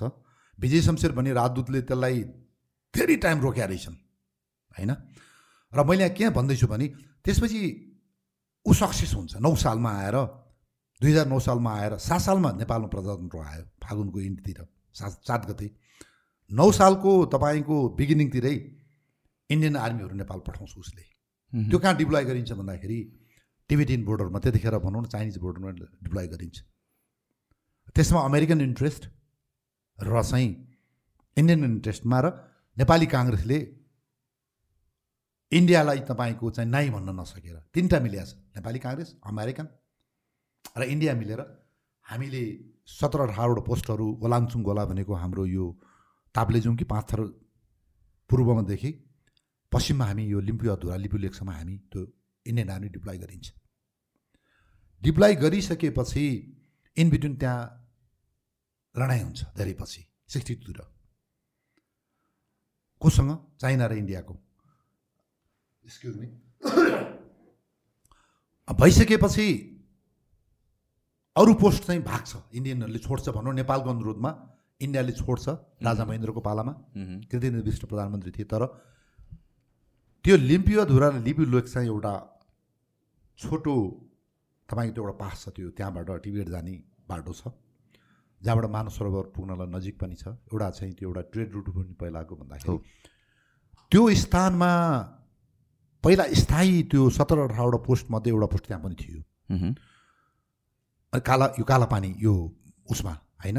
तर पछि त्यो के गरिरहेको छ भन्दाखेरि मिलिट्री स्ट्राटेजिकल भ्यू पोइन्टबाट त्यहाँबाट करिब केही किलोमिटर यो यो लिम्पियाधुरा साइडमा इन्डियन आर्मीको तपाईँको पोस्ट सार्दो रहेछ। सारिसकेपछि राजा महेन्द्रलाई उनीहरूले अब नेसन टु नेसनको एउटा हेड अफ स्टेट्सहरूबाट के कुरा भाव हुनसक्छ भन्दा अहिले हाम्रो चिन र भारतको सम्बन्ध राम्रो भइसकेको छैन। यो एउटा पोस्ट चाहिँ केही समय राख्न दिनुहोस्। किनभने नेपाली काङ्ग्रेसको गभर्मेन्टले निर्णय गरेर तपाईँको चाहिँ नेपालमा इन्डियन आर्मी डिप्लोय गर्यो। त्यसमा सत्र अठारवटा मात्रै सत्रवटा त खेदिसक्यो। काङ्ग्रेसले तपाईँको एउटा देशले निर्णय गरेर ल्याएर राखेको थियो त त्यो ल्याउने त नेपाली काङ्ग्रेस थियो नि त त्यतिखेर। सिआई र र अनि र पनि होइन र त पछि इन्दिरा गान्धीको पालामा मात्रै आएको र यो त नेहरीको पालाको कुरा छ। भन्दाखेरि त्यसरी डिप्लोय गरेको पोस्टमध्येमा जवाहरलाल नेहरूको पालामा एउटा पोस्टलाई अलिकति तल राखेर केही पछि हामी लैजान्छौँ भनेर उसले त्यहाँ राखिरहेको अवस्थामा। त्यो जै नै राख्छ महेन्द्रले सबै हटाउनु भन्दा भन्दा महेन्द्र डाइट हेर्नुहोस्। त्यो हटाएको केही महिनापछि केही उसमा पछि महेन्द्र डाइट हेर्नुहोस्। अरू त हटायो उनले। सायद मैले त यहाँ तपाईँहरूसँग खुलेर भन्छु नेपाली काङ्ग्रेसको त्यो गभर्मेन्ट रहिरहेको भएले नेपाल अहिले सायद भुटान हुन्थ्यो होला। सिक्किम त अलि हुन्थेन किन हामी त्यो पनि हाम्रो सम्भव थियो सिक्किम हुनलाई। हामीले संयुक्त राष्ट्रसङ्घ सदस्यता लिन सकेका थिएनौँ नि त त्यतिखेर। इन्डियाले लिन दिएको थिएन नि त सिक्किम बनाउनलाई। यो त राजा महेन्द्रलाई गाली गर्छन् अहिले। राजा महेन्द्रले कति दुःख गरेर गरेको छ? त्यसपछि इन्डियाले के तपाईँको गर्छ? विरोध गर्छ त्यसमा। नेपालीको लिपि त हिन्दी लिपि हो यो हुन सक्दैन। हिन्दीको अल्फाबेट र नेपालीको उही छ। त्यसमा कति आपत पर्दाखेरि यो रञ्जना लिपि छ। मलाई नेवार हो कि हो लिपि हो त्यसलाई लिएर हामी उ गर्छौँ। पटक पटक तपाईँको रसिया लगाएर चाहिँ इन्डियाले चाहिँ भिडियो हान्न लगाउँछ हामीलाई दिँदैन। भन्दा पछि यो अमेरिकनहरूले हामीलाई मद्दत दिएर नेपाली संविधानको सदस्य पाउनु अमेरिकाको ठुलो हात छ। हामीले पाइसकेपछि मात्रै उसले यहाँ सिक्किम जस्तो मर्ज गर्नु उसले नसकेको उसले भुटान बनाउनुलाई अहिले पनि खोजिरहेछ। होइन? भन्दा अब मैले त्यो केले यहाँ कहाँ जोडेँ भन्दाखेरि त्यतिखेरदेखि डिप्लोइड त्यो नेपाली काङ्ग्रेसको पालामा डिप्लोइड गरेको त्यो एउटा पोस्ट रहिरह्यो राजा महेन्द्र मरे। त्यसपछि वीरेन्द्र भए। वीरेन्द्रको पालामा किन निकालिएन? त्यो अब एउटा ओभरलुक गरेर त्यत्तिकै राखिरहेको आर्मी पोस्ट रहेछ त्यहाँ। तर त्यहाँको तिरोहरू सबै नेपाल गभर्मेन्टलाई तिरेको त प्रमाणहरू। त्यहाँका प्रशासक द्वारिकानाथ ढुङ्गेल भनी चाहिँ सचिव हुनुभयो। उहाँले डकुमेन्ट प्रस्ताव पेस गर्नुभएको छ। अहिले पनि थुप्रै यो तिरो तिरेको अब सरकारी कागजपत्र त अहिले पनि हामीसँग प्रशस्तै छ। होइन? तर यो गभर्मेन्ट टु गभर्मेन्ट लेभलमा मात्रै थाहा थियो क्या यो चिजहरू? मान्छेलाई थाहा थिएन। अब पब्लिक लेभलमा त कहिले भन्दा नाइन्टिन तपाईँको नाइन्टी पछि जब चाहिँ लेफ्टिस्टहरूले नेपाली काङ्ग्रेसले कहिले पनि कुरा उठाउँदैन हेर्नुहोस् अहिले पनि। अहिले जति सीमा मिचियोस् जति सीमामा मान्छे मारियोस् नेपाली काङ्ग्रेसले क पनि भन्दैन हेर्नुहोस् है। कस्तो छ नेपाली काङ्ग्रेस? कमसेकम तपाईँको मुटु त दुख्नुपर्छ देशको लागि। जब लेफ्टिस्टहरू आए म लेफ्टिस्टको पक्षको मान्छे होइन। म यिनीहरूलाई किन भन्दाखेरि अनि यिनीहरूले यो जनतामा भोट माग्न जाँदा यिनीहरूले इन्डियाको विरोध गरे अमेरिकनको विरोध गर्न थाल्ने सिलसिलामा बल्ल समाजले थाहा पायो। यो जमिन हाम्रो रहेछ। अनि त्यसपछि कुरा उठ्न थाल्यो। पत्रिकामा धेरै लेखिन थाल्यो। यो त भर्खर एक दुई वर्ष अगाडि मात्र कुरा होइन यो होइन राम्रै। यो यो नाइन्टिन नाइन्टी पछि बढी हामी अवेर भयौँ।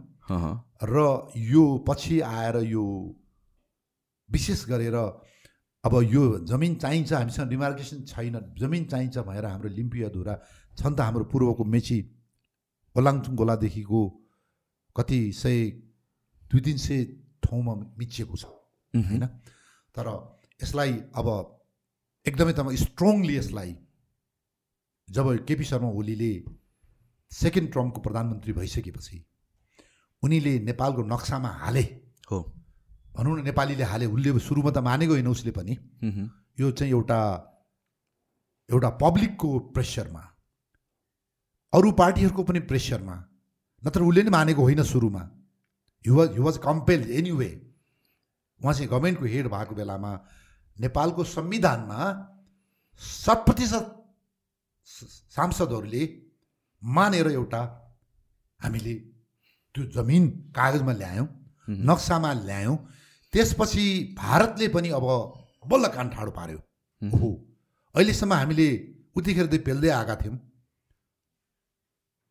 र अब अहिले आएर यो डिस्प्युटेड एरिया भएको छ। नेपाल भन्छ हाम्रो। इन्डिया भन्छ हाम्रो। र यसमा बदमासी हुनेको काम चाहिँ हेर्नुहोस्। राजालाई पनि होइन काङ्ग्रेसलाई पनि होइन एमाले नेपालका सीमा अफिसका जुन यो लैजोरमा छ यसलाई के नापी विभाग। यिनीहरूका कर्मचारीहरू तपाईँका डाइरेक्टरदेखि कर्मचारीहरूले बदमासी गरेर इन्डियनका पैसा खाएर यिनीहरू बेला बेलामा कुरा फेराएर हाम्रा डकुमेन्ट लुकाएर जुन यिनीहरूले बदमासी गरे इन्डियनहरूसँग मिलेर। किन मन्त्रीलाई त अब यो मिलिहाल्छ। अब यसलाई यो मिलिहाल्छ भनेर जुन यिनीहरूले गुमराह राख्नुमा यसमा नाइन्टी पर्सेन्ट दोष हाम्रो नापी विभागको छ। तर अहिले यो पोइन्टमा आएर त्यसलाई रिटर्न गर्ने अनि त्यो त्यो पोसिबल छ र? Is it even worth it यो डिबेट गर्नको लागि। यस्तो छ हेर्नुहोस्। It is possible it was possible त्यो विन्डो अफ अपर्च्युनिटी हामीले। क्रस नै गरिसक्यो जस्तो लाग्यो नि त। अब सुन्नुहोस्। अब यस्तो छ। अब संसारमा धेरै दुई देशको बिचमा डिस्प्युटेड एरिया भनेर राखिन्छ। जस्तो चाइनाको नक्सामा यो अरुणाञ्चल अब यो कति कुति यो यो तपाईँको लद्दाख सदाख कति इलाका सबै उसैको छ नाक नक्सामा। हो। तपाईँले यदि चाइनामा इन्डियन नक्सा लगाएर देखाउनु हो भनेदेखि तपाईँलाई छिर्न पनि दिँदैन। अब इन्डियाको नक्सामा के छ भन्दा उसको सबै उसै उसैको छ उसको। अझ त्योभन्दा नि पर पर छ। तर यसलाई यहाँ मात्रै होइन। अब मलाई लाग्छ जापान र रसियाको बिचमा कुन कुन आइल्यान्डको बिचमा अथवा अहिले पनि यो साउथ चाइना सीमा चाइनिजको क्लेम र जापानिजको क्लेमहरू यो डिस्प्युटेड एरियाहरू यो हुन सक्छन्। र यसलाई संसारको इतिहासले संसारको पोलिटिक्सले डिस्प्युटेड एरिया भन्छ। हो हामी कमसे कम अहिले तपाईँको मिलिट्री माइट इकोनोमिक माइटले हामी भारतसँग लडाइँ लडेर हामीले हुन स- नसके तापनि हामीले यति गऱ्यौँ। हामीले हाम्रो संविधानको भित्र नक्सालाई त हामीले त ओन गऱ्यौँ नि त।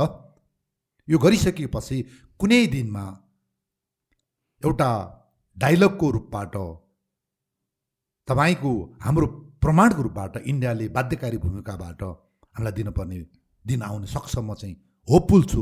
तर यहाँनिर हामीले एउटा गल्ती हुन त अहिले यो महाकाली सन्धि भनी गरेका थियौँ। मलाई बाहन्न अन्ठाउन्न कति हो मलाई थाहा भएन बाहन्न सालतिर होला। अहिले शेरबहादुर देउबा प्रधानमन्त्री। केपी शर्मा ओली अर्कोतर्फ। यी दुईटा पात्रले जुन राष्ट्रघात गरे। त्यतिखेर यिनीहरूलाई तपाईँको अरू देशमा अमेरिका अथवा चाइना अथवा जापानमा जु लाई यिनीहरू झुन्याइन्थ्यो किन भन्नुहुन्छ? हेर्नुहोस् तपाईँको सुगौलीको सन्धिले महाकाली नदी पुरै तपाईँको देशलाई दिएको छ। यिनीहरूले के गर्थे हेर्नुहोस् सीमा नदी भन्दै हेर्नुहोस् त। फिफ्टी फिफ्टी अब। हामी ग्रेटर नेपालको अब हाम्रो इन्डियासँग भएको नाइन्टिन फिफ्टीको ट्रिटीले सुगौली सन्धि खारेज गर्यो। मेरो कुरा सुन्नुहोस्। सुगौली सन्धिले जुन मेची महाकाली बनाइदिएको थियो हामीलाई तर त्योभन्दा अगाडि हाम्रो ग्रेटर नेपाल त सतलज नदीदेखि के अरे सिक्किमको टिस्टासम्म थियो नि त। हो सुगौलीले हामीलाई खुम्चा थियो। तर नाइन्टिन फिफ्टीमा इन्डियन चिप्लेर त्योभन्दा अगाडि अरू कुनै पनि विदेशीसँग गरेको सन्धि खारेज गरिएको छ भनेको छ। त्यो खारेज हुँदा चाहिँ हाम्रो सिमाना फेरि कहाँ पुग्थ्यो भन्दाखेरि सतलज र सिक्किम पुग्थ्यो। तर अब त्यो हाम्रो क्यापासिटीले हामी कति हामी लिन सक्छौँ सक्दैनथ्यौँ। त्यो हामीसँग एउटा अप्सन हामीसँग खुलै थियो। बरु इन्टरनेसनल तपाईँको कोर्ट अफ कोर्टमा हामीले लड्ने कुराहरू के इन्डिया भोलि यत्रै रहिरहन्छ भन्ने कुरा छैन नि त। भोलि त्यो पनि टुक्रिन सक्छ। नेपाल मोर पावरफुल हुनसक्छ अमेरिका भोलि टुक्रिन सक्छ। भन्दा हामीसँग त्यो अप्सन हुँदा हुँदै मेरो कुरा भन्नु नाइन्टिन फिफ्टीको ट्रिटीले नाइन्टिन सिक्सटिनमा भएको सुगोली सन्धि खारिज गरिसकेपछि यहाँ बिचमा के गर्दै यो शेरबहादुर देउबा र केपी शर्मा ओलीको पहलमा थुप्रै नेताहरू त्यसमा पशुपति शमशेर राणा जलस्रोत मन्त्री त्यसपछि प्रकाश चन्द्र लोहनी डक्टर प्रकाश लोहनी परराष्ट्रमन्त्री यी सबै छन्। सबै इन्डियनको पैसाले तपाईँको बिकेकाहरू यिनीहरू। सीमा नदी भनेर हेर्नुहोस् संसदबाट पास गराइदियो। अनि हाम्रो ग्रेटर नेपालको होप उही तपाईँको गिभिन अप। अब अहिले तपाईँको त्यसपछि के भयो? इन्डिया त ऊ कसरी मजबुत भइदियो भन्दा जब तपाईँ सीमा नदी भएर तपाईँले पास गर्नुहुन्छ भने अब हामी लिम्पिया धुराएर लिपुलोकमा हामी त्यहाँ कति पाड हामी चोकेका छौँ? हाउबर फेरि हाम्रो संसदले अहिले पछि गएर लिम्पिया धुरा हाम्रै हो भने फेरि पास गऱ्यो हामीले अहिले है? हामीले ग्रेटर नेपालको होप हामीले त्यागे तापनि महाकाली सन्धिले हाम्रो ग्रेटर नेपालको हो हामी सीमा नदी भन्नासाथ तपाईँको त्योभन्दा उतापट्टिको जमिन त इन्डियाको भनेर हामीले प्रुभ गऱ्यौँ नि त अहिले हामी ग्रेटर नेपालको कुरा गरेर हामी हिँडिरहेको छौँ मुभमेन्ट गरिरहेको छौँ तपाईँको देशले उहिले इन्डियालाई सुम्पिसक्यो यो कुरा। त्यो हामीले त्यसलाई गुमाए तापनि फेरि यो महाकालीको सीमा नदी हामीले भने तापनि अहिलेको यो पश्चिमको अस्तिको संसदले जुन चुच्चे नक्सा बनायो हाम्रो देश एक भयो। त्यसले गर्दा it is a disputed area for India it's a disputed India area for Nepal किन? दुइटै देशले दुईतिर हालेछ नि त यो त। हो। हामीले त उहाँ संयुक्त राष्ट्रमा पठाइसकेका छौँ नि त। कुरा गर्नु भएन भन्दा यो एउटा जनताको एउटा आवाजको प्रेसरले यति हामीले नक्सामा ल्यायौँ। It's a first it's a initial going let's hope in future तपाईँको कुनै हाम्रो डिप्लोमेटिक मिन्सबाट कुनै तरिकाबाट भोलिको दिनमा नेपालभित्र छिर्ने मैले चान्सेस आई एम होपफुल अहिलेको परिस्थितिमा हामी छैनौँ। जस्तो कि यो महाकाली हाम्रो भनेर पहिला अलरेडी इस्टाब्लिस थियो। केही प्रेसर या केही भएर यो महाकाली ट्रिटी गरिएको हो त? त्यसलाई सीमामा कन्भर्ट गर्नुको? इन्डियनहरूको छयालिस सालमा हेर्नुहोस् हरेक पटक इन्डियाले नेपाललाई स्वतन्त्र अहिले पनि मान्दैन। मैले त धेरै मिलिट्री अफसरहरूसँग इन्डियामा मेरो कन्फ्रन्टेसन भएको छ। अब्दुद्दे कलाम अमेरिकाको राष्ट्रपति के अरे इन्डियाको राष्ट्रपति म लेफ्टिनेन्ट कर्नेल हुने बेलामा उहाँको मातहत मैले दुई पिरियड मैले पढेँ। Stress management. उहाँलेसम्म तपाईँको ग्रेटर इन्डियाको कुरा गर्दाखेरि I objected there he didn't know कि कि म त्यहाँ नेपालको विदेशी विद्यार्थी किनभने हामी काले काले। उसले भन्ठाने कि त्यहाँ इन्डियन स्टुडेन्ट्स मात्रै छ भुटनिज मात्रै छ भनेर। कुरा बुझ्नुहुन्छ? एउटा तपाईँको एउटा एउटा साइन्टिस्ट थिए पछि राष्ट्रपति भए। मैले बेलायतमा तपाईँको मेजर जनरल एसके मेहता भन्ने अहिले एक मधेस एक प्रदेश छुट्याउनु पर्छ भने इन्डियन एउटा जन त्योसँग मैले बेलायतमा हाटालालो जस्तो हेर्नुहोस्। उसले के भन्छ? पाहाड इन्डिया भन्छ। कुरा बुझ्नुहुन्छ? यस्तो भनिरहेको अवस्थामा नेपाली काङ्ग्रेसलाई काङ्ग्रेस बनाइदिने इन्डिया हो। माओवादीलाई माओवादी बनाइदिने इन्डिया हो उसको स्वार्थको लागि। सात सालदेखि उसको स्वार्थ के छ? म्याक्सिमम इन्डियनलाई नेपाली नागरिकता दिने नेपालको रक्षा मामिला रक्षा मन्त्रालय आर्मी उसको मातहतमा हुनुपर्ने नेपालको परराष्ट्र मामलामा उसको मातहतमा हुनुपर्ने नेपालको नदी नाला र तपाईँको यो जन यो वन जङ्गल उसको उसमा हुनुपर्ने। उसको यो जम्मा चारवटा पाँचवटा इन्ट्रेस्ट नेहरूको पालादेखि आजसम्म त्यही हो। हरेकचोटि सात सालको तपाईँको यो परिवर्तनमा उसले त्यही गर्यो। कोसी लग्यो गण्डकी लग्यो म्याक्सिमम इन्डियनलाई नयाँ नागरिकता दियो। हामीलाई विभिन्न तपाईँको ल्याएर इन्डियन आर्मी ल्याएर डिप्लोय गर्यो। त्यसपछि छयालिस सालमा के भयो? यो गिरिजा सिरिजा तपाईँ गणेश मान्जीहरूले का ल्याउनु भयो तपाईँको क्रान्तिको नाम। तर अहिले रहले के लेख्यो? हामीले त्यहाँ क्रान्ति गर्न पठाएर चन्द्रशेखर सहित पठाएर हामीले गराएको ती नेताले गरे आइन भनेर रहले लेखिदिएको छ फेरि हेर्नुहोस् है। भने त्यसपछि पनि करिब तिस पैँतिस लाख इन्डियनलाई नागरिकता दियो। त्यसपछि फेरि उसले चाहिँ के मागिरहेको थियो? यो डिफेन्स र परराष्ट्र फेरि उसले माग्यो। सबै हाम्रो नदी नाला उसले चाहिँ तपाईँको सही गराएको छ त्यो एङ्गेज गरेर राखेको छ। त्यसपछि आएर माओवादी युद्धमा भन्ने नाममा उसले बाह्र बुधे उसले गरायो। आउन साथ उसले इन्डियनलाई म्याक्सिमम् तपाईँको नागरिकता दिला। किन भन्दा भोलि त भोटिङ गरेर जसरी यो सिक्किममा पनि भोटै हालेर ऊ पठाइयो। क्रिमिया क्राइमिया त्यसै गरियो। कुरा बुझ्नुहुन्न? अब अहिलेको जमानामा हमला गरेर एउटा संयुक्त राष्ट्रसङ्घको सदस्यता पाइसकेको देशलाई मर्ज गराउन इट्स भेरी डिफिकल्ट। भनेपछि त्यो देशले अहिले पनि के गरिरहेको छ उसले? नाकाबन्दी लगाउने आदि इत्यादि। म्याक्सिमम् नदी नाला उसले लैजाने। यो यो ग्रान्ड डिजाइन उसको ग्रान्ड स्ट्राटेजी इज अभियस उसको त। यसमा मेन तपाईँको युज गराउने नेपाली काङ्ग्रेसलाई। हरेकचोटि नेपाली काङ्ग्रेसलाई युज गराउँछ। पछि गएर यो माओवादीलाई युज गरायो यसले प्रचण्डलाई र बाबुराम भट्टराईलाई भनेपछि यो अवस्थामा तपाईँको महाकाली सन्धि यो छयालिस सालपछि बाहन्न सालतिरको अवस्थामा उसले पाउने भेटी थियो त्यो। हरेकचोटि तपाईँको माओवादीले उसलाई तपाईँको दाम राखेर दर्शन गरेको नागरिकता खोला किन तपाईँको नेपालको राजतन्त्र फालियो? इन्डियाले किन फाल्न खोज्यो? राजा महेन्द्रलाई पनि त्यसै गरेर रक्षा पराष्ट्र राजा महेन्द्रलाई उनीहरूको हातमा लान्छ। राजा महेन्द्रले कति गरेको छ हेर्नुहोस्। इन्डियालाई थला बसालेको छ यसमा। वीरेन्द्रले यो छयालिस साल आउनुभन्दा अगाडि उसले परराष्ट्र मामला र ऊ जस्तो भुटान बनाउन तिनीहरूले प्रपोज गरेपछि उसले के भन्यो म तिमीहरूसँग किन झुक्ने? यो त भएको कुरा हो त। म नेपाली जनतासँग झुक्छु म दिन्छु मेरो पावरमा हेर।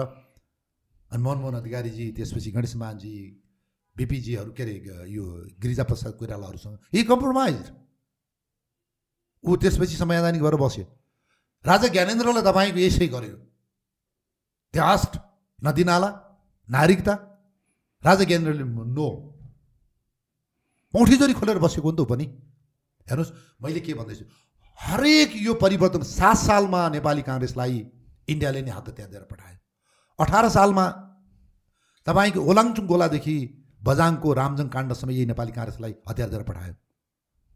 त्यसपछि छयालिस सालमा चन्द्रशेखर भनी पूर्व प्रधानमन्त्रीको नेतृत्वमा यहाँ तपाईँको काठमाडौँमा एजुकेसनहरू सुरु गरायो। त्यसपछि माओवादीलाई हेडक्वार्टर तपाईँको उहाँ दिल्लीमा खडा गरेर देहरादुनको चक्रतामा चाहिँ माओवादीलाई तालिम गराएर नेपालमा तपाईँको मान्छे मारेर के को लागि थियो? नेपालीलाई फेरि इन्डियनलाई नागरिकता दिने। हाम्रो नदी नाला उसैलाई लैजाने। रक्षा र तपाईँको परराष्ट्र उसैले लै उसको यो चार पाँचवटा एजेन्डा खालि उसले त्यो सत्ता परिवर्तन भयो उसले गर्ने यति मात्रै हो। यो सात सालदेखिको आजसम्म हेर्नुहोस्। यो कन्टिन्युस भएर आएको छ। आम नेपालीले बुझ्नुपर्छ। किन अहिलेसम्म तपाईँको सीमाको कुरामा नेपाली काङ्ग्रेसले एक शब्द बोल्यो अहिले त माओवादीले बोल्नु छोड्यो। पहिला कालापानीका कुरा उचालेर लिम्बुया धुराका कुरा उचालेर लिपुलियोका कुरा उचालेर यो उसले कार यो चाहिँ के अरे जनयुद्ध भने होइन र? त्यो कहाँको त अहिले प्रचण्डको त्यो? बाबुराम भट्टराईले एक शब्द बोल्छन्। ऊ त्यो कल्या जयसिंह धामीलाई अस्ति चाहिँ तुइनमा मार्दाखेरि कोही मा कुनै माओिस्ट बोल्यो? कुनै नेपाली काङ्ग्रेस बोल्यो? बाबुराम भट्टराई बोल्यो अब त्यो तराईमा अहिले मधेसी पार्टी भन्छन् ती त अब। जनता राष्ट्रभक्ति छन् है।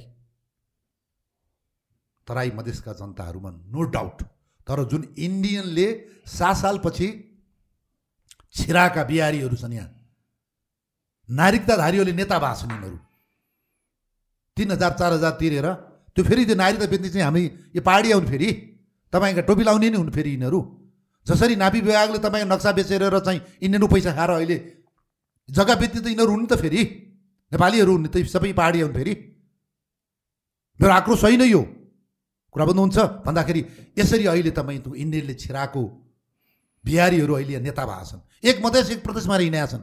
नेपालको नाकाबन्दी लगाएको छन्। भएभरका चाहिँ तपाईँका चाहिँ चाहिँ रोटीबेटीका कुरा गरेर इन्डियन चाहिँ बिहा गरेर लिएर आएको केटीलाई अहिले नागरिकता चाहिने नेपालीलाई बिहा गरेर लगेपछि सात वर्ष चाहिँ पछाडि नागरिकता दिलाइन्छ। हेर्नुहोस् त। यो सबै इन्डियन स्ट्राटेजीमा एक मधेस एक प्रदेश। अहिलेको यो मध्य प्रदेश भएर नाम नामाकरण कसले गर्यो? किन तपाईँको चाहिँ यो जनकपुर अञ्चलभरिको तपाईँको चाहिँ त्यो पाहाडलाई किन चाहिँ दुई नम्बर प्रदेशमा पहिले हालेन? इन्डियनले एक प्रदेश एक प्रदेश बनाउन सकेन। पुरा यो मेचीदेखि महाकालीसँग मधेस लान सकेन। इन्डियन एमएसीले खुलाएको पार्टी हो नि त यो त। तपाईँलाई थाहा छ नि त्यो कुरा? त्यहाँ के भयो? हेर्नुहोस् थारूहरू नेपालका भूमिपुत्र यिनीहरू। थारूहरू यिनीहरूको चाहिँ तपाईँको यति यिनीहरू चाहिँ देशप्रेमी छन्। तराईका थारूले के भने खोइ हाम्रो थारूहट काँडाले तैँले मध्य प्रदेश मात्रै लान्छस् लिएन हाम्रो पहिला थारूहट भनेपछि तपाईँको महाकाली यहाँ त्यहाँ त्यहाँ सबै थारू खुलेपछि अनि यिनीहरू खुम्चेर एक मधेस प्रदेश लान सकेन इन्डियनले। त्यसपछि गएर पछि संविधानमा के गर्यो यो बनाउने बेलामा? अनि जनकपुर यो तिन चारवटा चाहिँ तपाईँको जिल्ला हालेर जहाँ आफूले इन्डियनहरूको इन्फ्लुएन्स गर्न सक्छ। तिनीहरूलाई मात्रै गरेर नेपाल सरकारले तपाईँको यसमा महाघात गर्यो। त्यतिखेरको प्रधानमन्त्री संविधान बनाउने सुरक्षा अङ्गहरू।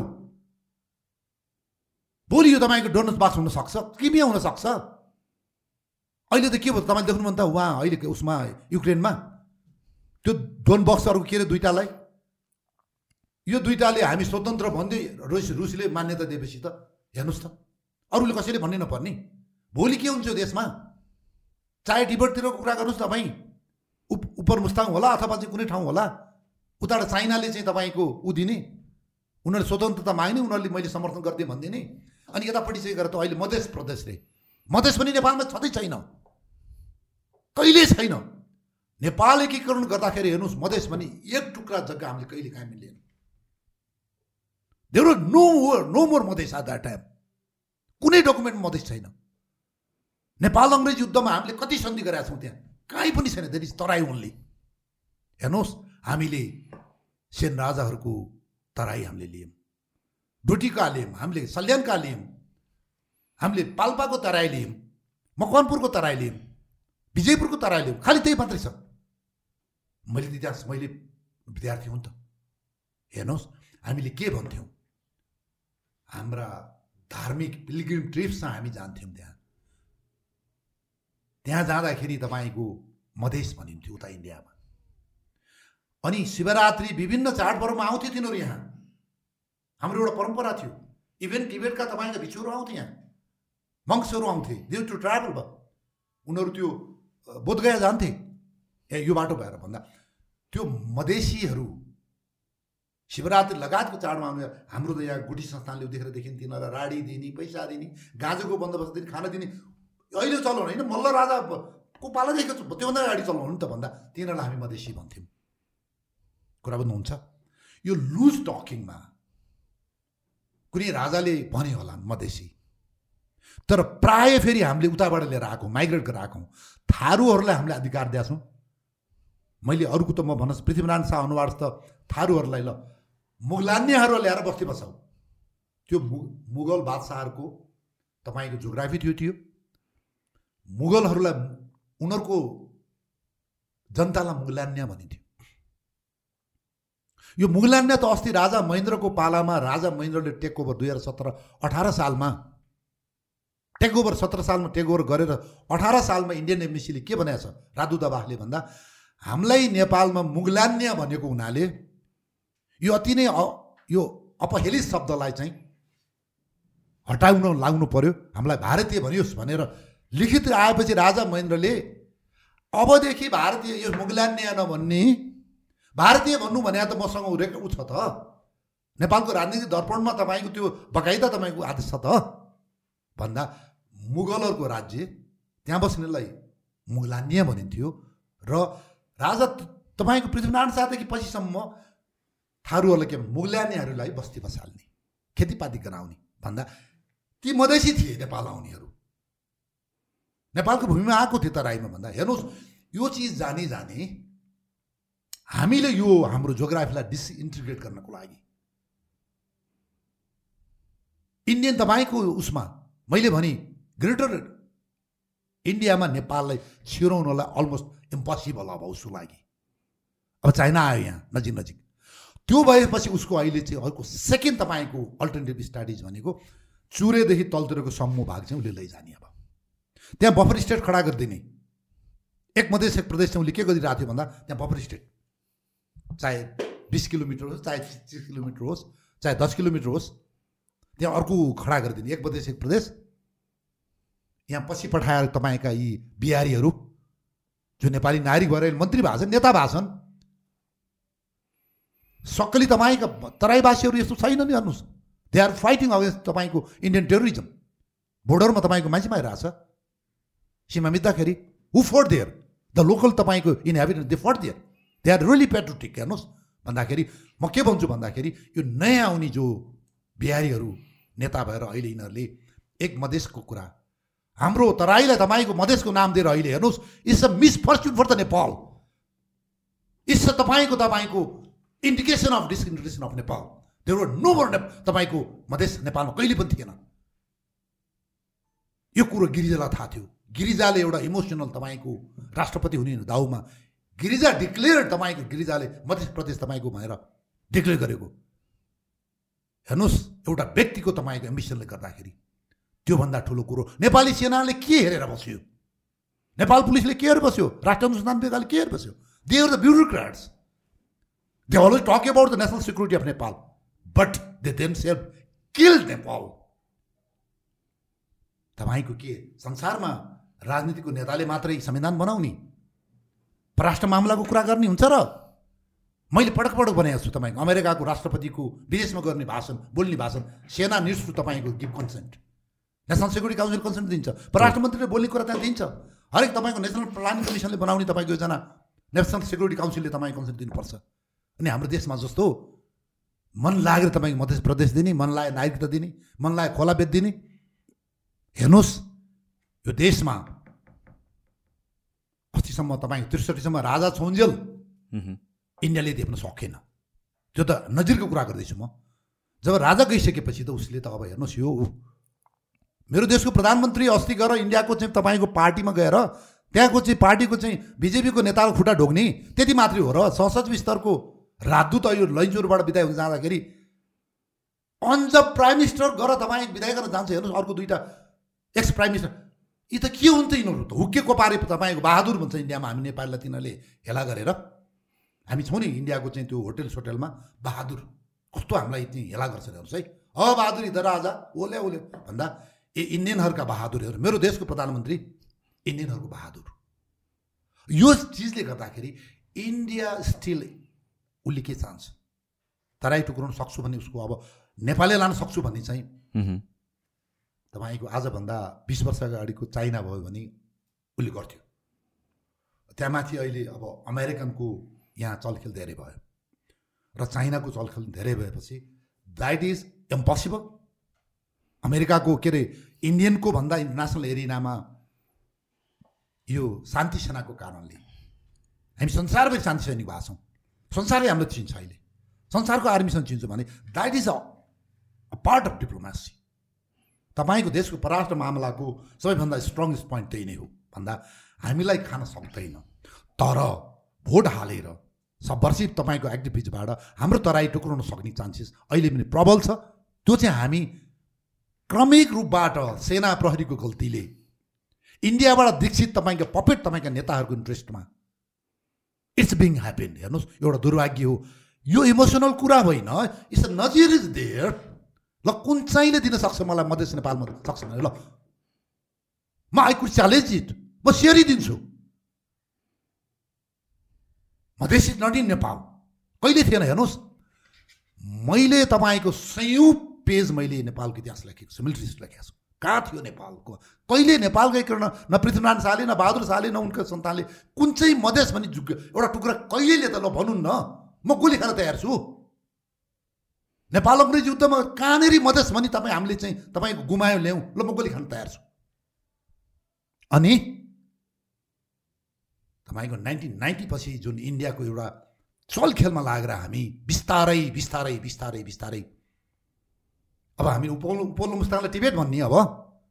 ओलाङचुङ गुल्ला तपाईँको पूर्वको उता के के भोटलाई हामी अब टिबेट भन्न थाल्ने। हेर्नुहोस् हामी आफै विदेशीहरूको पेपेट भएर यो इलेक्टेड मान्छेहरू त पपेट भयो म सबै भन्दिनँ केही बाहेक। अनि हामी लोकसेवा पास गरेर आउने इन्सपेक्टर साहब अब तपाईँको लप्टन साहब जर्नल साहब तपाईँको सचिव साहबहरू न्यायाधीश साहबहरू तपाईँले किन्नुहुन्छ तपाईँ। If you do not love your country you loves then तपाईँ त लोकसेवा लडेर आउनु भएको हो नि त। हेर्नुहोस् सबैभन्दा गल्ती हो देशमा पढे लेखेका कर्मचारीहरूले गर्दाखेरि यिनीहरू बढी अमेरिकन हुँदाखेरि यिनीहरू बढी ब्रिटिस हुँदा बढी इन्डियनहरूको तपाईँका खानपानमा लागेर उनीहरूलाई फेसिलेट गर्दाखेरि we are losing our even soil सुन तपाईँको हाम्रो धर्म संस्कार संस्कृति लुज गर्ने पनि कर्मचारीहरू हुन्। रोयल फ्यामिलीको म्यासेगरको बिहाइन्ड के हो जस्तो लाग्छ ट्रुथ अब यसमा हेर्नुहोस् अब मैले म was not there excuse me अब म त्यहाँको एडिसी पनि होइन म त्यहाँ पनि थिइनँ। अब मैले पनि अब त्यहाँ सँगै काम गर्ने एडिसीहरू जो मेरा मभन्दा सिनियर थिए जुनियर भाइहरू थिए र त्योभन्दा अगाडि यो चाहिँ ninety nine point nine percent चाहिँ आमा छोरा बिचको टस्लिङ हो। दिपेन्द्र र रानी ऐश्वरी र रानी ऐश्वर्यको धेरै गल्तीहरू छन् त्यसमा मात्रै होइन नेपालको पोलिटिक्समा पनि उहाँ धेरै एम्बिसियस भएर। र राजा वीरेन्द्र साह्रै सोझा हुँदाखेरि। जस्तो कि? होइन even politics day to day तपाईँको पोलिटिक्समा पनि प्रशासनमा पनि मन्त्री नियुक्ति गर्ने सचिव नियुक्ति गर्ने अथवा तपाईँको अब यो व्यापारीहरूसँग उ कारोबारमा आदि सादीमा पनि राजा वीरेन्द्र उहाँ चाहिँ अलिकति कम्युनिस्ट विचारधाराको मान्छे हो। Is not communist so call तर के भन्दा उहाँमा त्यो चाहिँ धारणा थियो। जुत्ता टालेर लाउने च्यातेको लुगा तपाईँको चाहिँ टालेर लाउने गाडी किन्दाखेरि सबभन्दा सस्तो किन्दे भन्ने अब आदि इत्यादि पार्टीहरूमा ऊ नगर हाम्रो सेनामा आउने बेला पनि यस्तो नगर त्यो नगर होइन? त्यो उहाँको एउटा देखिन्छ नि त। अब राणा कल्चरबाट आएको राणाहरूको भिन्दै सोच थियो। भन्दा तर जुन ऐश्वर्य बडा महारानीको चाहिँ एउटा एम्बिसन राजा महेन्द्रको पालामा के भयो?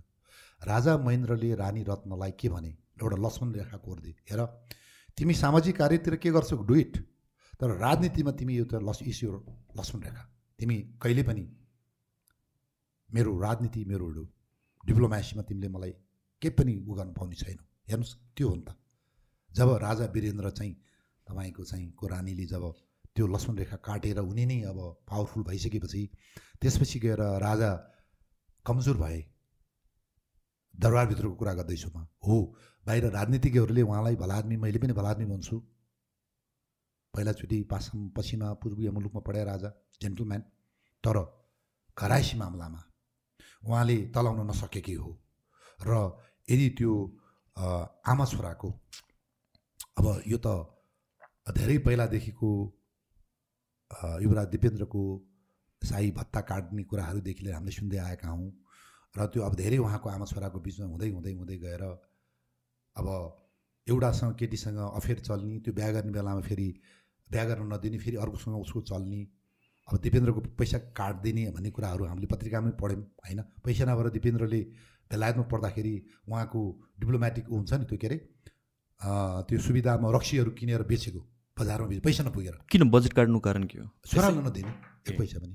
धीरेन्द्रलाई युवरा के अरे अधिराज कुमार धीरेन्द्रलाई त्यस्तै गरे किन भन्दाखेरि she was too much powerful होइन? भन्दा अब पछि गएर के हुन्छ भन्दा उहाँले दिपेन्द्रले चाहेको केटी बिहा गर्न कति वर्षदेखि उहाँले बुवालाई भनेका कुराहरू एडिसी जर्नलहरू लेखेको किताबमा हामीले पढ्यौँ। दुई तिनजना दुई तिनजनाले लेख्नु भएको छ। उहाँले पटक पटक बहिनी मार्फत भनेको छ आमालाई भनेको छ काकालाई भनेको छ एडिसियरलाई भनिदियो भनेको छ बाउलाई भनिदियो भनेको छ। भन्दाखेरि नो बडी हेल्प हिम हुँदा हुँदा के भयो? बहिनीको बिहा गरिदिए।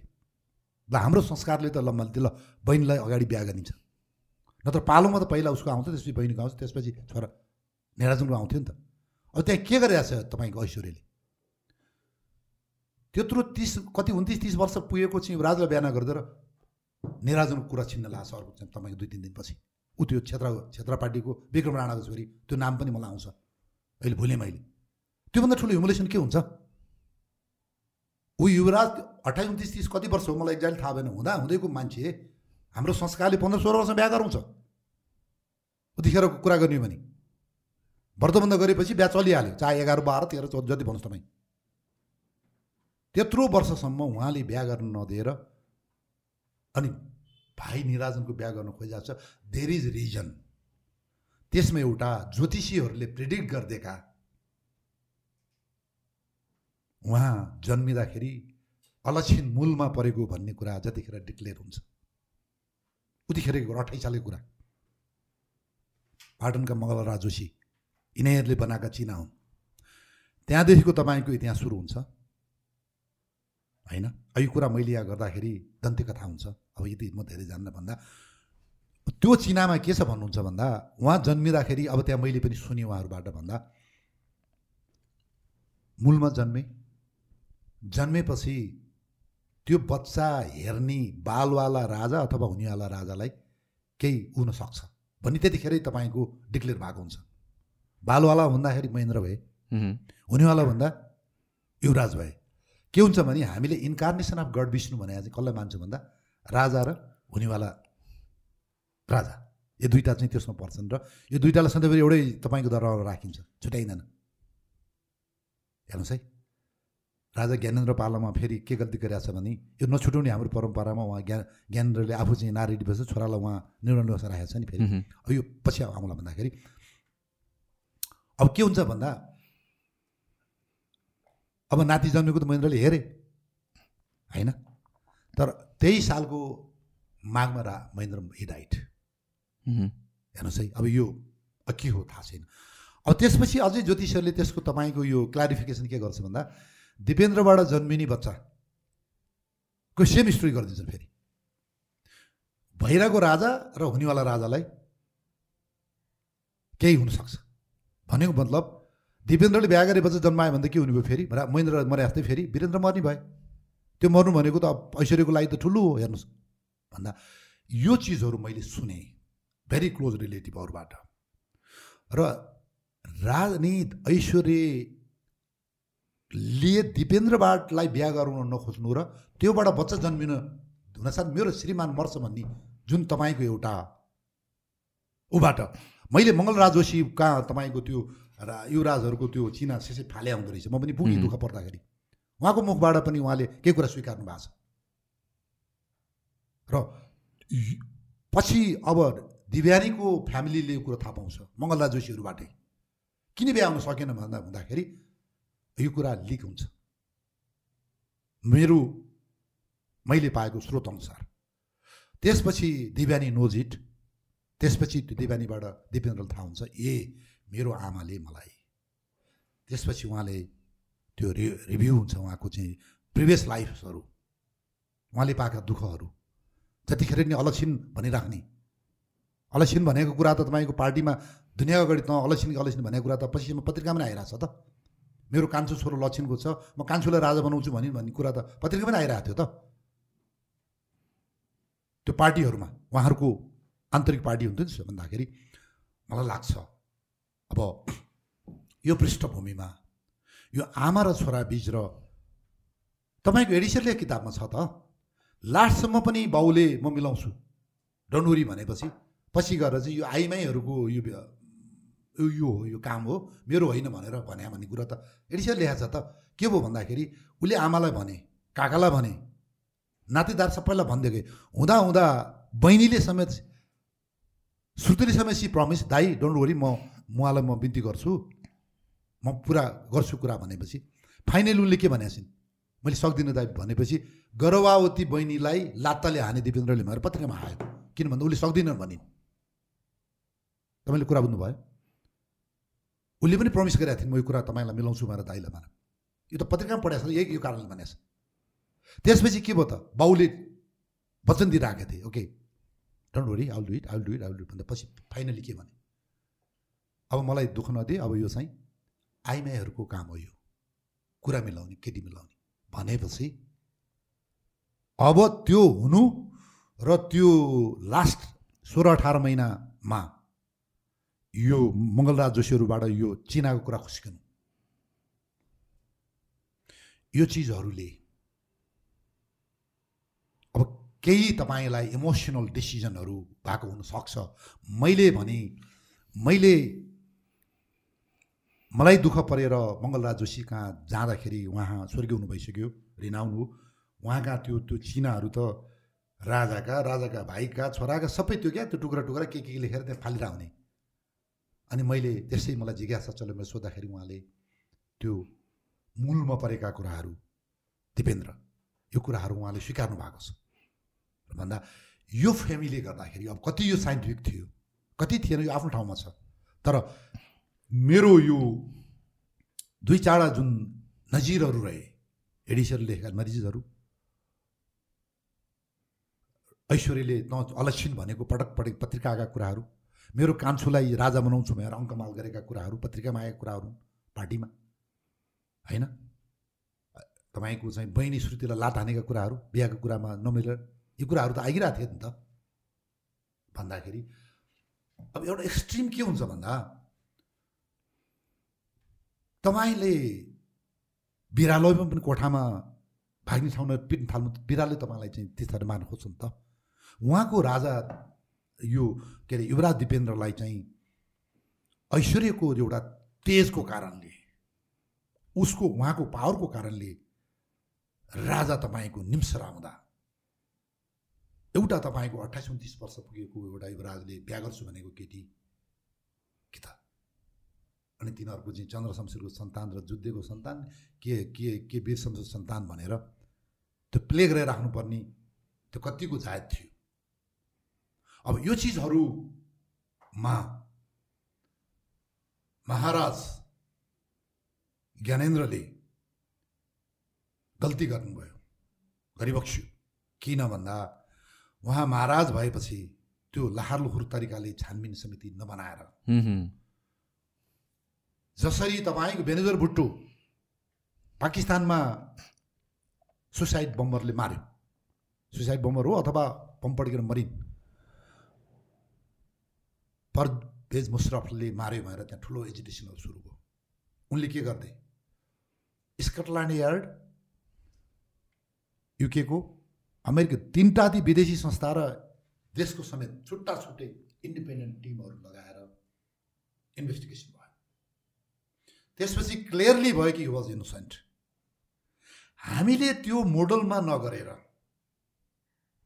अहिले तपाईँको राजा ज्ञानेन्द्रलाई डिफेम गर्ने भन्दा दाइ मारा भएर त गिरिजाले भन्यो भएर त पत्रिकामा आइरहेछ त। होइन? अब राजा ज्ञानेन्द्र त अब he was not in Kathmandu नि त्यतिखेर होइन? अब भन्दा यो चिजलाई महाराज ज्ञानेन्द्रले त्यस्तै गरेर देशभित्रकै दुई तिनवटा टिम अथवा बाहिरबाट मान्छे लिएर गराइदिया भए। नगराउनु कारण के हो इन्ट्रेस्ट अब यहाँ सुन्नुहोस् न अब यसमा माधव कुमार नेपाल गिरिजाप्रसाद कोइराला त्यतिखेरको प्रधान न्यायाधीशहरूको बेखुबी र मैले सुने मुवा बडामानी आमाले पनि यो गर्नु जरुरी छैन भन्ने भन्दाखेरि सबैभन्दा बदमास हेर्नुहोस् माधव कुमार नेपाल। सरकार म यहाँ छु हामी यहाँ छौँ। किन गर्नु पऱ्यो यो? हामीले देखेका छौँ यो छौँ। उचाल्ने त्यही माधव नेपाल हो नि त मेन त कल्प्रिट। अनि तपाईँको छानबिन समितिमा दुई दिनपछि बस्दिनँ भएर भागेर हिँड्ने होइन? यो माधव नेपाल भन्ने पात्र हो। हेर्नुहोस्। उनीहरूकै कम्युनिस्ट पार्टीले लेखेका छन् त अहिले। इन्डियन आर्मी लिएर नेपालको राज संस्था अपहरण गरेर नेपाल आर्मीलाई पनि कन्ट्रोल गर्नुपर्छ भनेर यसले भनेको कुरा त पार्टीमा यसले गाली खाएको कुराहरू छैन त। आरके मेनालीजी लेखेकोमा हेर्नुहोस् अरू लेखेकोमा हेर्नुहोस् न यो मान्छे यस्तो हो नि त। यिनका चाहिँ यो अहिले पनि खालि भारतीय भारतीय यिनले माया गर्छ नि त। भन्दा यो जुन माधव नेपाल अर्को पार्टीको के हो यो? प्रतिपक्षी पार्टीको अध्यक्ष थियो नि त यिनी त। यो मतलब त्यताको नेता थिए यिनी। गभर्मेन्टमा गिरिजा थिए अर्को पक्ष उता थिए सभामुख तारानाथ राणा भाट प्रधान न्यायाधीश थिए भन्दा यी चार पाँचजनाले ओठे वचन दिएर गरेनन्। र यिनैले पछि फेरि अब चाहिँ डिफेम गरेर हुँदा हुँदा अहिले कमल थापाले पनि के भन्न थालिसक्यो? दरबार हत्याकाण्डमा म चाहिँ छताछुल्ला पारिदिन्छु। ज्ञानेन्द्रलाई के गर्छु भनेर अब कमल थापाले भन् पा- थालिसक्यो नि त। ताक परे तयारी नेत्र गोतामे। तैँले बुझ्नु भएन? भन्दा अब यो के थियो भन्ने कुरा मैले कसले माऱ्यो कसले मारेन के गर्यो भन्ने कुरो त मैले सुनिजानेको कुरा भने म नजिर दिन सक्दिनँ। र मैले महाराधिराज ज्ञानेन्द्रलाई भेट्दा चार वर्ष तिन वर्षदेखि अगाडि भेट्दा मैले बिन्ती गरेँ सरकार। अदालतमा एउटा रिट कोही मार्फत हाल्नुपर्छ। Then government will be complain compel तपाईँको चाहिँ एउटा उसलाई बाध्यकारी हुनेछ छानबिन गरिदेऊ। सर्वोच्चमा दिने मेरो यो चाहिँ उसमा छानबिन होस्। कसले हत्या गर्यो गरोस्। अहिलेको राष्ट्रपति महामहिम हुनुहुन्छ के अरे विद्यादेव भण्डारी तिनी किन गर्नु किन गर्नु गर्नुहुन्न उहाँले? मदन भण्डारी किन छानबिन गर्न सक्नुहुन्न उनले? किन गर्नुहुन्न उहाँहरूले?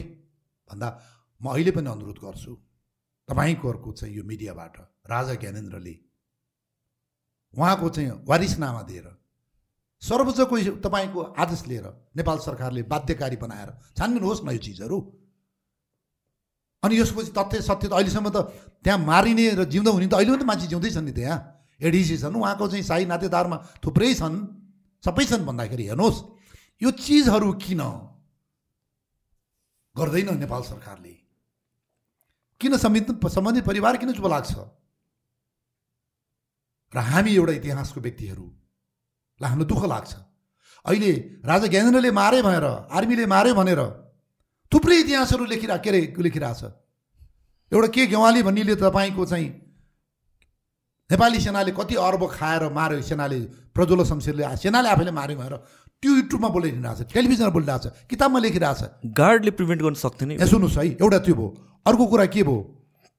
र यो रक्त कुञ्ज के कुञ्ज भन्ने के के भन्नेले। करोडौँ रुपियाँ कमायो यसले मारे उसले मारे भएर हेर्नुहोस् त त्यो त इतिहास त त्यो त एउटा रिटेन तपाईँको एउटा नजिर बस्यो नि त किन नेपाली सेनाले तपाईँको मैले त पचासौँचोटि नेपाली सेनाको प्रधान सेना दल भनिसकेँ किन खण्डन गर्दैन किताबमा लेखियो लेखिएको छ प्रकाशन भइसक्यो बाइबल र माओवाद भन्ने किताबमा तपाईँको चाहिँ नेपाली सेनाले कहाँबाट कति अर्ब खाएर राजा वीरेन्द्र हत्या गर्यो भनेर त्यहाँ लेखियो कसैले पनि भोलि कोड गर्न सक्छ त्यो द्याट इज द डकुमेन्ट्री तपाईँको एउटा प्रमाण भइसक्यो युट्युबहरू द्याट इज प्रमाण त्यो त संस्था हो नि त नेपाली सेना भने सेनापतिको त्यो द्याट इज मेटेरियल किन गर्दैन अहिले हेर्नुहोस् भन्दा न सेना बोल्यो यसमा न तपाईँको रादरबारे तपाईँको त्यसलाई चाहिँ छानबिन गर्नलाई उसले पहल गर्यो फेरि न नेपाल गभर्मेन्टले तपाईँको गर्छ भन्दाखेरि यसरी हेर्नुहोस् मदन भण्डा भण्डारीको हत्याकाण्ड दरबार दरबार हत्याकाण्ड लगायतका हत्याकाण्डहरू जसले जे लेखे पनि हुने ज्ञानेन्द्र राजाले मारे भने पनि हुने दिपेन्द्रले मारे भने नि हुने नेपाली सेनाले माऱ्यो भने नि हुने अथवा कसले मारे नि हुँदा त अमेरिकन आर्मीले आएर माऱ्यो भने कति यहाँ त कहानी बजेर भन्दाखेरि लुक एट दिस यो त नेपाल गभर्मेन्टको तपाईँ गल्ती हो नि त। भन्दाखेरि हेर्नुहोस् यो चिजहरूमा मेरो सुनाइ मैले तपाईँलाई सेयर गरेँ। के रह्यो त्यहाँ तपाईँको छानबिनमा किन कमजोरी रह्यो मैले भने के हुन्छ अहिले पनि तपाईँले यु कुड डु इट? राजावादी भन्ने तपाईँको पोलिटिकल पार्टीहरू। राजालाई चाहिँ राजा श्री पाँच के अरे राजा ज्ञानेन्द्रलाई बिन्ती गरेर अहिले पनि तपाईँहरू गर्न सक्नुहुन्छ। भन्दाखेरि यसरी यसरी यो तपाईँको चाहिँ यसरी छोडिए त यो राष्ट्रको कमजोरी हो। हेर्नुहोस्। र यही नै हो मैले बुझेका कुरा। त्यतिखेर आर्मी आई मिन लाइक प्यालेसमा गार्डहरू त थियो नि त। उनीहरूले प्रिभेन्ट गर्न सक्ने सिचुएसन थिएन र म दरबारमा दुईचोटि जति मात्र त्यो पनि म छयालिस सालमा छिरेको छु एकचोटि। एकचोटि पछि कहिले छिरेको छु अब हामीहरू त्यहाँ बित्दै छिर्ने कुरा होइन। र यो महिनाको कुन अन्तिम शुक्रबार हो कि सेकेन्ड लास्ट शुक्रबार कुनमा चाहिँ उहाँहरूको नितान्त प्राइभेट एउटा त्यो कक्ष हुँदो रहेछ। त्यहाँभित्र उहाँहरू मात्रै बस्न पाइने एडिसीहरू त्योभन्दा बाहिरको रिङमा। अझ त्यो कक्ष भयो त्योभन्दा बाहिर रिङमा त्यो बेराहरू खाना दिनेहरू त्योभन्दा पनि अर्को कक्ष उसमा चाहिँ एडिसीहरू बस्ने। र अब मैले सुनेको राजाले बाहेक अरूले हतियार लान पाइँदैन थियो अरे। राजा चाहिँ उहाँलाई चाहिँ एउटा हतियार दिने पेस्तोल के राख्ने इच्छा हो त्यो पाइन्थ्यो अरे होइन? भन्दा अब त्यतिखेर एडिसीहरू ढोका लागु लाग विभिन्न ढोका लागिरहन्छ नि त्यहाँ त अब त्यो उहाँहरूको नितान्त अब त्यो गोप्य कति कुराहरू त्यो बाहिर नदेखिने गफ पनि हुँदो नाचगान हुँदो खानपिन हुँदो अब रसी खाए बेलामा के के हुँदो होइन? अब एउटा लिमिटमा बसेर भन्दा अब त्यो चिजहरूलाई नदेख्नको लागि त्यसरी घेराबन्दीमा थियो अरे। अब मैले पनि एडिसीहरूको किताबबाट हेरेँ। कति एडिसीले मलाई भन्नुभयो भन्दाखेरि त्यो त अब बन्दुक डडामा हानिहाल्यो। अब बन्दुक हान्न साथ पहिला त एडिसी आउनु पऱ्यो सबै ढोका बन्द थिए। एडिसीले कल्पन गरेपछि मात्रै त्यो अरू फौज त धेरै बाहिर हुन्छ। धेरै पर ब्यारेकमा हुन्छ। तिनीहरू आइपुग्नु पाँच दस मिनट लाग्थ्यो भन्दाखेरि अब द्याट वाज टु लेट र अब अपत्यारिलो रूपबाट अब यस्तो हुन्छ क्या तपाईँको उयो बाघ आयो बाघ आयो भनेर ख्यालख्याल गरेर एक दिन साँच्चै बाघ आएको जस्तो। दिपेन्द्रलाई युवराज दिपेन्द्रलाई अब महाराधिराजै भनौँ पछि त महाराधिराज पनि हामीले घोषणा गरिसक्यौँ भन्दा उहाँलाई कोठामा त्यति धेरै बन्दुक दि किन दिन राखियो? त्यो एडिसीहरूले किन त्यो चेक गरेन? किनभने उहाँले पनि कोतमा राख्नुपर्छ? के थियो भन्दा अब एडिसीहरू धेरै केटाकेटी भनौँ न यङ पनि राखियो। अलि कस्तो हुन्छ भन्दाखेरि तपाईँको एडिसी म गएँ भने तपाईँ म कन्टेम्पोरी हुनुहुन्न। कमसेकम तपाईँभन्दा मेरो उमेर दस पन्ध्र वर्ष जेठो हुनुपर्छ। त्यसपछि म मेच्योर भइसकेको हुन्छु अथवा त्यो एडिसी मेच्योर हुन्छ। होइन? अब तपाईँ र म सेम एजेज भयो भनेदेखि हाम्रो इन्ट्रेस्ट मिल्छ चाहे राम्रो काममा चाहे नराम्रो काममा पनि। भन्दा एउटा त्यो गल्ती भएको देख्छु मैले। मैले कुनै पनि एडिसीलाई I cannot blame what they did what they didn't होइन? भन्दा अब जुन एउटा युवराज दिपेन्द्रको पनि केही एम्बिसनहरू थियो होला र तर पछि जुन उहाँको चाहिँ बुवासँग पनि त्रिभुवन राजा त्रिभुवन र राजा महेन्द्रको पनि ठुलो क्लासेसहरू थियो। राजा त्रिभुवन इन्डियालाई माया गर्ने नेपाली काङ्ग्रेसले गर्ने। यो देशलाई नै तपाईँको कतै मज गर्ने स्थितिमा पुर्याउनमा राजा त्रिभुवनलाई पनि ब्लेम लगाइन्छ। त्यो कतिको सत्यता छ। यसमा राजा महेन्द्र वाज नट ह्याप्पी उहाँको बुवासँग तपाईँको एकदमै बोलचालै नभएको कुरा मैले सुनेको छु। अनि राजा महेन्द्रले के गरे एन्टी इन्डियन सेन्टिमेन्ट बढाउनलाई आफ्नो श्रीमती स्वर्गीय उहाँको चाहिँ पहिलो श्रीमती इन्द्र राज्यको गहना बेचेर ससुरा हरिशंससँग ऋण लिएर नेपालमा कम्युनिस्ट नेपालभित्र आएर कम्युनिस्टहरू जन्माउने नै राजा महेन्द्र हुन् पहिला उसमा त्यसपछि कम्युनिस्टले तपाईँको धेरै एन्टी इन्डियन तपाईँको सेन्टिमेन्ट फैलाएका छन् राजालाई बाध्यकारी बनाएका छन् इन्डियनहरूलाई तपाईँको यो एउटा उसमा बस्नको लागि र महेन्द्रले धेरै गरेका छन् त यो देश बचाउनलाई त हेर्नुहोस् अब अहिले यिनीहरू गाली गर्छन् भारतको भारतको इन्ट्रेस्टमा महेन्द्रले राष्ट्रवाद भन्ने कारण थियो। अब पछि आएर के भन्दाखेरि यो माओवादीको जुन द्वन्द्वमा राजा वीरेन्द्र वार्तामा लिएर आएर एउटा इन्डमा पुग्नुपर्छ लजिकल इन्डमा भनेर एक किसिमको लिङ्गरिङ राख्ने आर्मी युज गर्न नखोज्ने पुलिसहरू मरिरहेछन् त्यहाँ। अब मैले सुनेको Dipendra wanted to use the army आर्मीलाई use गर्ने। अब यो त टाइममै कन्टेन हुनुपर्छ। होइन? सेनालाई वेल इक्विप्ड गराउने यसलाई कन्टेन गर्नैपर्छ। भन्ने कुरामा सुरु सुरुमा उहाँहरूको बिचमा ठुलो एउटा मत मतान्तर पनि र उहाँहरूको एउटा मैले किताबमै देखेँ एडिसन लेखेको। त्यसपछि उहाँहरूले विभिन्न देशको हतियारहरू नेपाली सेनालाई हेरे राजा के अरे युवराज ज्ञानेन्द्रले। हि टेस्टेड इट सो एउटा यो कोल्ड के हो? जर्मनको फोर्टी फाइभ? नै एउटा जोस राइफल वाज भेरी गुड।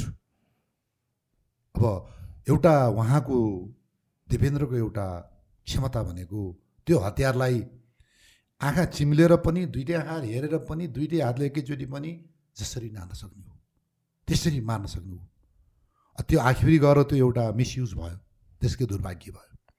उसको तपाईँको एउटा हब्बी भनेकै एउटा वेपनहरू नयाँ नयाँ वेपनहरूको प्रयोग गर्ने रहेछ।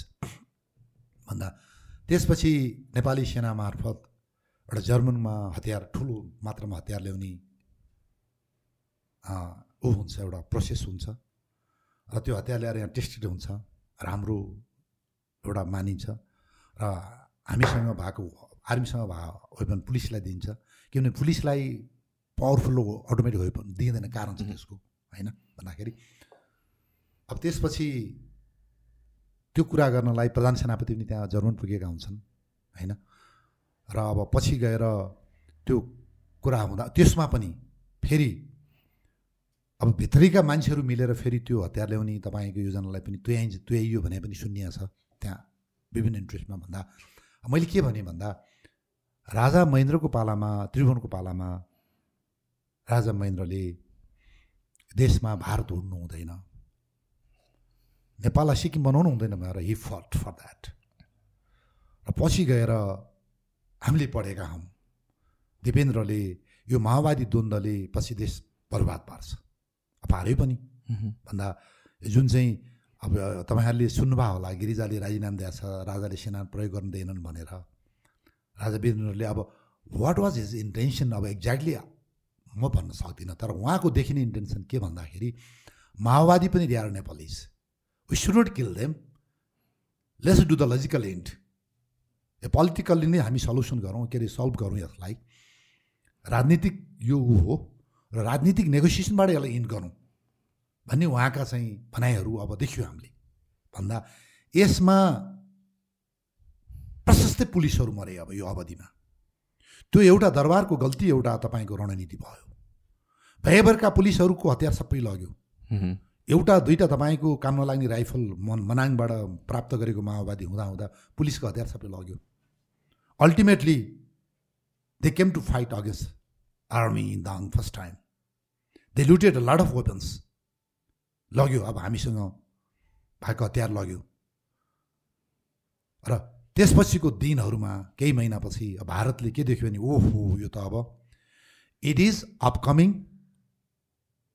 political power in Nepal अब यसलाई हामीले समाउनै पर्छ। We have to tap them भनिसकेपछि दाङकोमा जब सेनाको ब्यारेकमाथि माओवादीले हानिसकेर लगिसकेपछि हामी त्यहाँ निरीह भयौँ। तिन चार दिनसम्म पनि हामीले वी कुन डु हाम्रो चाहिँ तपाईँको काउन्टर अफेन्सिभ हामीले केही पनि हामीले गर्न सकेनौँ। के कारणले? आई डोन्ट नो मलाई एकदमै दुःखदायी तपाईँको एउटा इन्सिडेन्ट हो त्यो। पर्मिसन नपाएर? अब कहाँबाट पर्मिसन पाउनु पर्थ्यो? दरबारबाट क्याबिनेटबाट आर्मी हेड क्वार्टरबाट बट आम नेपालीले नेपाली सेनाले जवाफ दिनुपर्छ।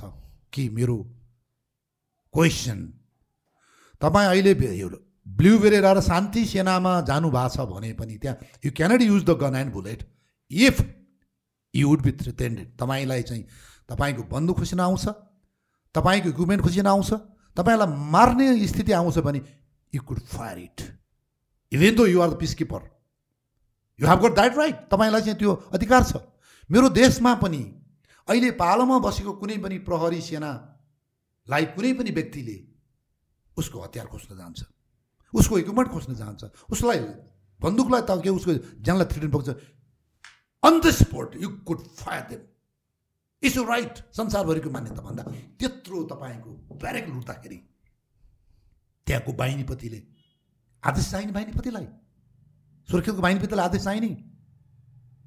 तपाईँको चाहिँ आर्मी हेडक्वार्टरलाई आदेश चाहिने? कसको आदेश चाहिने?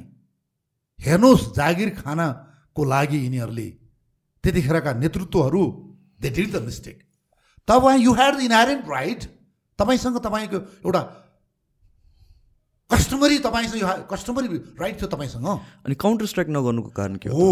किन थियो? मैले तपाईँहरूलाई जवाब दिन सकिनँ। हेर्नुहोस् द्याट वाज द ब्लन्डर त्यही हतियारहरूले हामी मार्यौँ।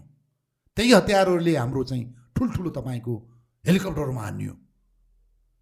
त्यसपछि उनीहरू शक्तिशाली हुँदै गयो। त्यसपछि भारतले लयो उनीहरूलाई। प्रचण्डको हेडक्वार्टर भारत पुगेको त्यसपछि हो अलिपछि हो।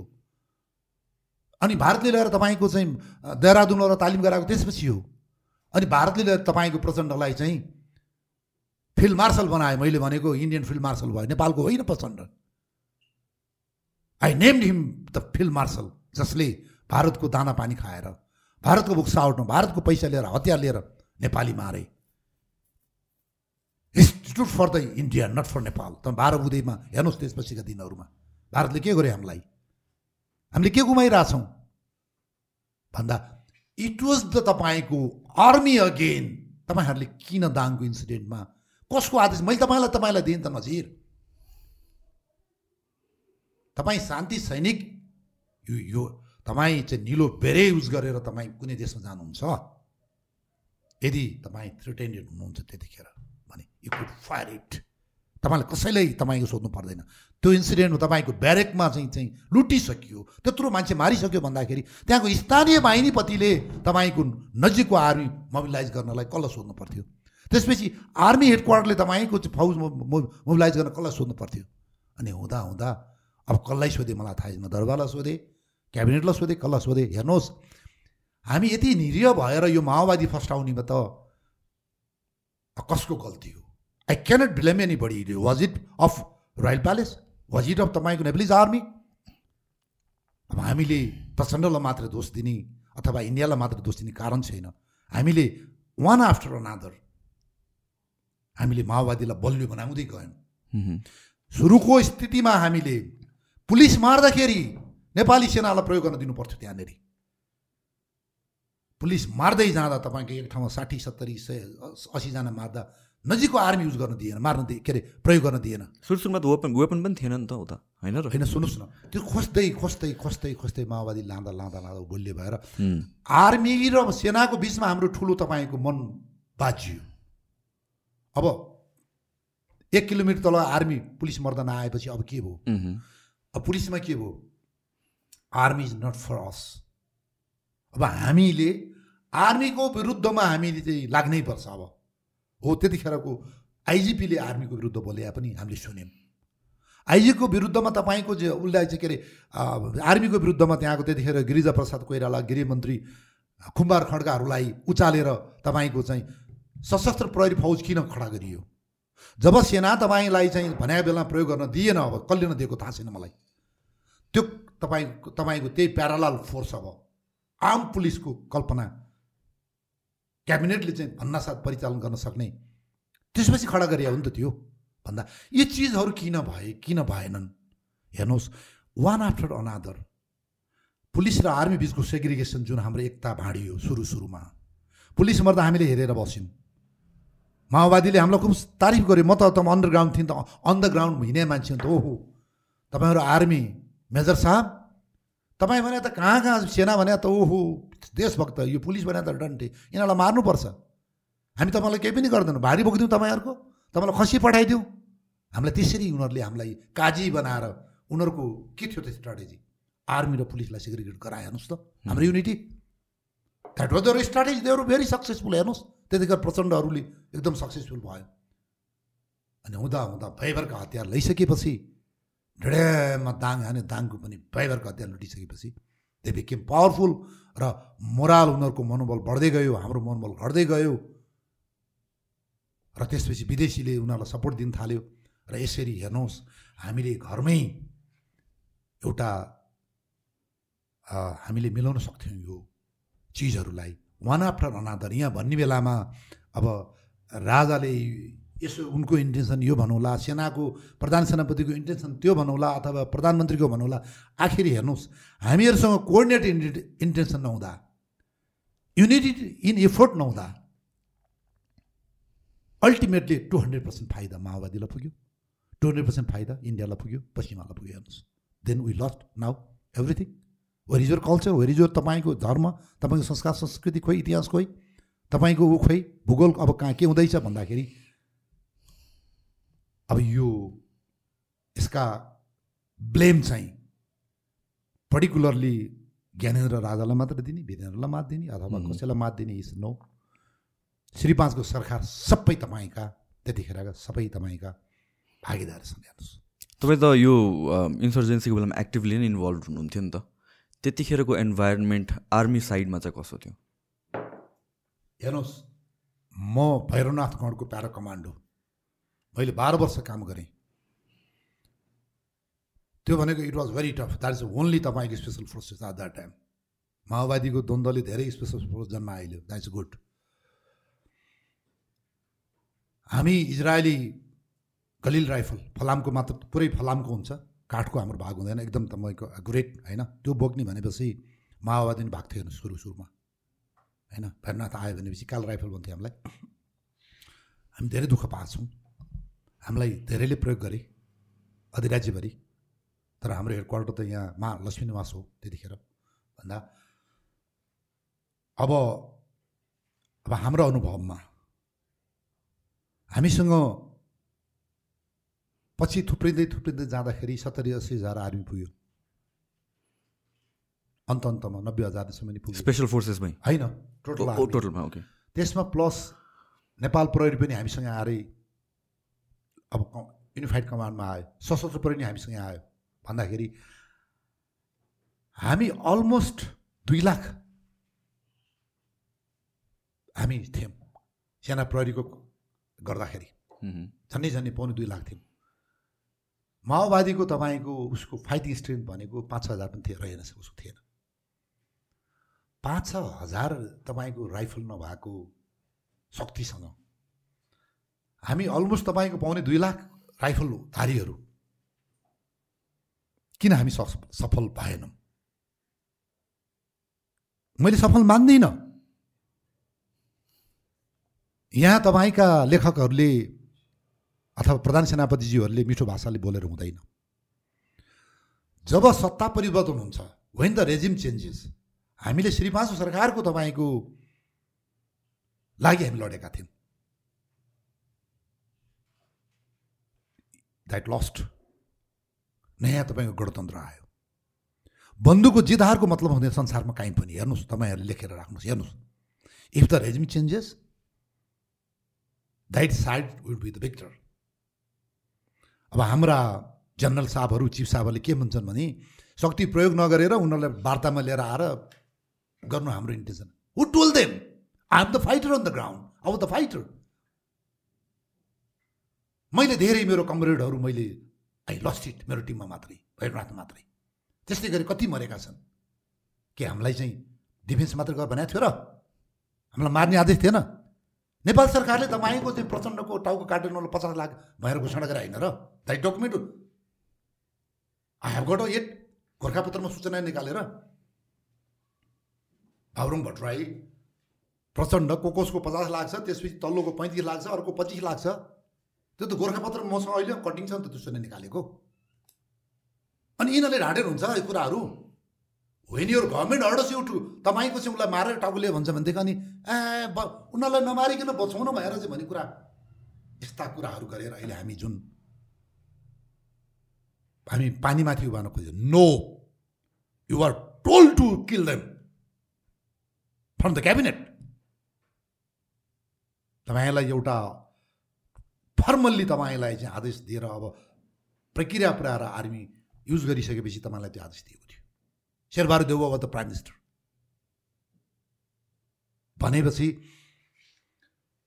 अब तपाईँलाई फेरि मैले रिमाइन्ड गरेँ पाउने दुई लाख बन्दुकले पाँच हजार बन्दुकले हामीले किन जित्न सकेनौँ? There were there are series of fault lines हेर्नुहोस्। एउटा हाम्रो सेना प्रहरीको बिचमा एकता पार्सियल्ली थियो। थिँदै थिएन भन्दिनँ म। किन? त्योभन्दा पहिला धेरै प्रहरी मरिसकेका छन्। उनीहरूको चित्त हामीले दुखाइसकेका थियौँ सेनाबाट। दुई चार किलोमिटर तलको ब्यारेकले माथिको मर्दाखेरि हामीले हेरेका थिएनौँ। आइजी आइजीको बिचमा तपाईँको झगडा आइजी र प्रधान सेनापति बिच झगडा परेर आइजीले राजीनामा दिए गृहमन्त्रीले राजीनामा दिए हुँदा हुँदा प्राइम मिनिस्टर राजीनामा दिए त्यही आर्मी परिचालित भएन भएर त्यो तपाईँको एउटा पोलिटिकल इन्भाइरोमेन्ट बनिसकेको थियो। पुलिसमा त्यो फेमी भइसकेको थियो। भन्दा अर्को कुरा हामीसँग प्रहरीको कल्चर र सेनाको कल्चर मिल्दैन। भनेको काम गर्ने कल्चर। उनीहरूको ट्रेनिङ र हाम्रो ट्रेनिङ फरक छ। उनीहरूको सोचाइ र हाम्रो दे आर दे आर तपाईँको appointed to engage with the civilians but we are for the enemies उनीहरूको र हाम्रो तपाईँको ट्रेनिङ स्कुलै फरक हो। हाम्रो तपाईँको स्ट्राटेजी फरक छ। हो। हामी पनि आन्तरिक सुरक्षामा will be involve but a to civil authority भनेको हामी सिभिलियन गभर्मेन्टलाई मागेपछि मात्रै हामी सहयोग गर्न जाने हौँ। भन्दा मैले तपाईँको करिब डेढ वर्ष पुलिस र सशस्त्र प्रहरी र आई कमान्डेड देम। मैले एक सय तिस पैँतिसजना भएर नाथे एउटा कम्पनी लिएर हिँड्दा चालिस पैँतालिस त दुईतिरबाट दुइटै आउँथ्यो त मसँग। त्यो अब त्यस बिचको केही तपाईँको हाम्रो लिमिटेसनहरू थिए र सबैभन्दा ठुलो लिमिटेसन के छ भन्नुहुन्छ भन्दा हामीहरूलाई जमिनमा चाहिने लत्ता कपडा रासन तपाईँहरूको पत्ताहरू आएन जमिनमा। यो कुरा मैले तपाईँको लुकाएर भने भाइ मलाई मर्ने सिपाही मेरा कमरेडहरूको मलाई श्राप लाग्नेछ। कमरेड भनेको कम्युनिस्टहरूको होइन यो। त्यो साथी हो तपाईँको फलामले बनेको त्यो लोहाले बनेको मित्रता हो। यो कमरेड शब्द कहाँबाट आयो? हाम्रा चाहिँ यहाँका नेपालका कम्युनिस्टहरू जहाँ पनि कमरेड भन्छन्। जब फ्रेन्च रेभोल्युसन हुन्छ युरोपमा सेभेन्टिन सेभेन्टी नाइन समथिङ अब exactly date eighteen seventy nine seventy seventy seven I don't know यसलाई फ्रेन्च रेभोल्युसन भएपछि त्यहाँको राजालाई जिलेटिनमा हानेर काटेर मारिन्छ। एउटा स्टेटको तपाईँको रेभोल्युसन हुन्छ। अब भइसकेपछि त्यहाँ जनताको सरकार आउँछ। अब राजाको परिवारको लागि त आइ बक्सोस् खाइ मौसु महाराज आउनुहोस् खानुहोस् हाम्रो पनि छ नि त अहिले। भनिसकेपछि त्यहाँ एउटा तपाईँको के निर्णय हुन्छ भने अब के भन्ने त माथिदेखि तलसम्मलाई एउटै शब्दले सम्बोधन गर्ने अब। प्राइम मिनिस्टर अथवा त्यो would be president to commoner गर्दाखेरि comrade. Comrade is a friend. Friendship लोहाले फलामले बनेको फ्रेन्डसिप त्यसरी जन्मिएको कमरेड तपाईँको यो चाहिँ साथीको शब्द हो यो। अनि हाम्रा कम्युनिस्टहरूले यो कमरेड भनेर यसरी उठाएर दे मिसयुज इट भन्दा मेरा कमरेडहरू धेरै मरेका छन्। मैले भैरवनाथबाट मात्रै काम गरेँ कति मरे। मेरो मैले कमान्ड गरेको तपाईँको नन्दा बक्स गढबाट कति मरे। मैले लेट गरेँ त्यहाँ कर्नल भएर पनि। आई लस्ट सशस्त्र प्रहरी र तपाईँको ऊहरू। अब यहाँ आर्मी हेड क्वार्टरमा बस्ने प्लानरहरू पैसा चलाउने तपाईँका प्लानरहरू राजदरबारबाट तपाईँका रहने प्रमुख सैनिक सचिवालयहरू यिनीहरूले भनेको जति तपाईँको नेपाल सरकारले दिएको बजेटलाई कमसेकम तपाईँको सिक्सटी सेभेन्टी पर्सेन्ट मात्र एलोकेट गरिदिएको भए त्यो स्थिति आउने थिएन। हेर्नुहोस् फौजले तपाईँको लुगा लाउन नपाएर आफ्नो लुगा किनेर ट्र्याक सुट लाएर गोलिस्टर जुत्ता किनेर मेरो पल्टनले लडेको तपाईँको मैले गरेको त मैले मैले मैले बेहोरेँ त मैले। खाना छैन हेर्नुहोस् एक छाक खाएका रहेछन् तिनीहरूले। सधैँ चिउरा र चाउचो आफ्नै। त्यो तराई बेल्टलाई दिएको रासन दिनको चाहिँ तपाईँको रासनको पैसा बिहान बेलुका खाना छ्यालिस कि अडचालिस रुपियाँ रहेछ। फौजलाई लडाइँ लड्न पठाउनुपर्छ तपाईँको हिमाल पाहाडमा। त्यो छयालिस रुपियाँ त्यो ठेकदारले फेरि बिस पर्सेन्ट कति काट्दो रहेछ। चालिस रुपियाँ नआउने हेर्नुहोस् त। त्यो चालिस रुपियाँ क्यास दिएर तपाईँको माथि डाँडोमा पठाउँदाखेरि एक छा खाना पनि नआउने त्यो पैसाले। मैले भेटेको म त पहिला भैरवनाथमा लड्दाखेरि स्पेसल फोर्सलाई केही कुराको कम थिएन। आई ह्याड एभ्रिथिङ तर जुन कमा पल्टनलाई मैले कमान्ड गर्न गएँ। पहिलाचोटि मलाई पुगेको एक हप्तामा कर्नेल त आफैले लेट गरेर चौधन्नी घडीमा माओवादीको क्याम्प सरे युगो एन्ड डिस्ट्रोइड इट भन्ने भयो। Then I led my company as a battalion commander म एउटा चाहिँ तपाईँको कर्नेलको नाताले म लेड गरेर गएँ। पुलिस पनि मलाई हालिदियो सा साथमा फेरि सशस्त्र पनि हालिदियो। अनि भोलिपल्ट तिन बजे उठेर हिँडेको भोलिपल्ट खाना खाना खाने बेलामा त एक दुई बजे खाना खाँदाखेरि त्यसपछि एउटा मिस्टिनमा मलाई खाना बोकेर मेरो साथमा नजिक आयो। किन किन बोकेको भन्दाखेरि सर हजुरलाई बेलुकालाई डिनर। तिमीहरू के खाने? भने त हामी दिगतेलमा भएको एक कति सोह्र महिना कि कति महिना अगाडि थिएँ आजसम्म सर हामीले दुई सा खाना खाएको छैन अपरेसन भनेर हेर्नुहोस् त लुक एट द्याट अनि के गर्थ्यो भन्दा हामी सबै आफ्नै चाउचाउ आफ्नै चिउरा अब त्यो मसँग जानेहरूले पनि तपाईँको चाहिँ ट्र्याक सुट लाएर गोल्ड स्टार जुत्ता छैन अब। लुगा च्यातिसक्यो बुट च्यातिसक्यो इक्विपमेन्ट आफ्नै तरिकाले बनाएको हेर्नुहोस् है त।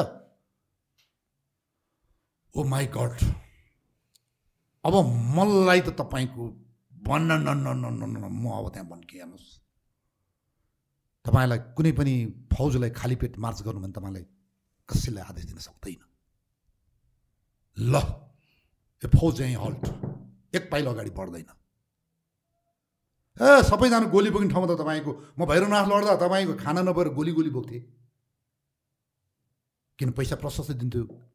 हामीलाई त म त त्यो कल्चरमा बटअप भएको यो बाहिर भएर तपाईँको चाहिँ त गोली सोली बोकेको छैन। गोली त्यति बोक्ने खाना मात्रै बोक्ने अब सात आठ दिनलाई हेर्नुहोस् त कस्तो होला फौज? कति फौजलाई मर्का? अनि मैले इमिडिएटली जहाँ मैले कल गर्नु पर्थ्यो आर्मी हेड क्वार्टरको अपरेसनमा कल गरेर मलाई अब नाम किन उल्लेख गर्ने उहाँलाई भनेर सर मेरो फौज एक पाइला एउटा हिँड्दैन। दिस इज त तपाईँको यो चाहिँ यो रहेछ सर। वाट इज दिस तपाईँहरूले मलाई त स्पेसल फोर्समा यति दिन गरेको थियो वाइ नट हियर भनेपछि? उहाँलाई सायद मभन्दा अगाडि कमान्डरले मागेनन् के गरेन ल तुरुन्त तिमीले ठेकदारसँग पैसा मागेर यु म्यानेज इट ल तिमीले के गर्नुपर्छ? गर। भनेपछि आई इमिडिएटली कल्ड म झन्डै झन्डै दस किलोमिटर टाढा आइसकेको थिएँ यहाँनिर मोटरसाइकलमा ठेकदारलाई मगाएर पैसा एक लाख मागेर मैले दुई छाक भात खुवाउँदै लिएर आएर अनि त्यसपछिको दिनमा मैले तपाईँको म्यानेज गरेँ। हेर्नुहोस् दुई छाक खुवाउने गरेर। कुरा बुझ्नुहुन्छ? यो त मेरो मात्र उदाहरण हो यो। यस्ता कहानी त मैले कतिबाट सुनि सुने। अनि राजालाई तपाईँको पावर पोइन्टको ब्रिफिङ गराउने सबै ठिक छ सरकार नि। भाइ म मरेर जानुपर्छ। मैले राजा ज्ञानेन्द्रलाई मेरो स्थानीय अञ्चलाधीश मार्फत मैले आई मेड रिपोर्ट मैले नेपालीमा तेह्र चौध पोइन्ट मैले लेखेँ। भारत सरकारलाई भनिदिनुहोस् तपाईँले। यो लडाइँ हामी हार्छौँ। कस्तो भइसक्यो पल्टन? अब यताबाट तपाईँको चाउल खेलमा अथवा तपाईँको भैँसी पार्टीमा माओवादी छ लड्न जा भन्यो भने हस् भन्छ कमान्डर।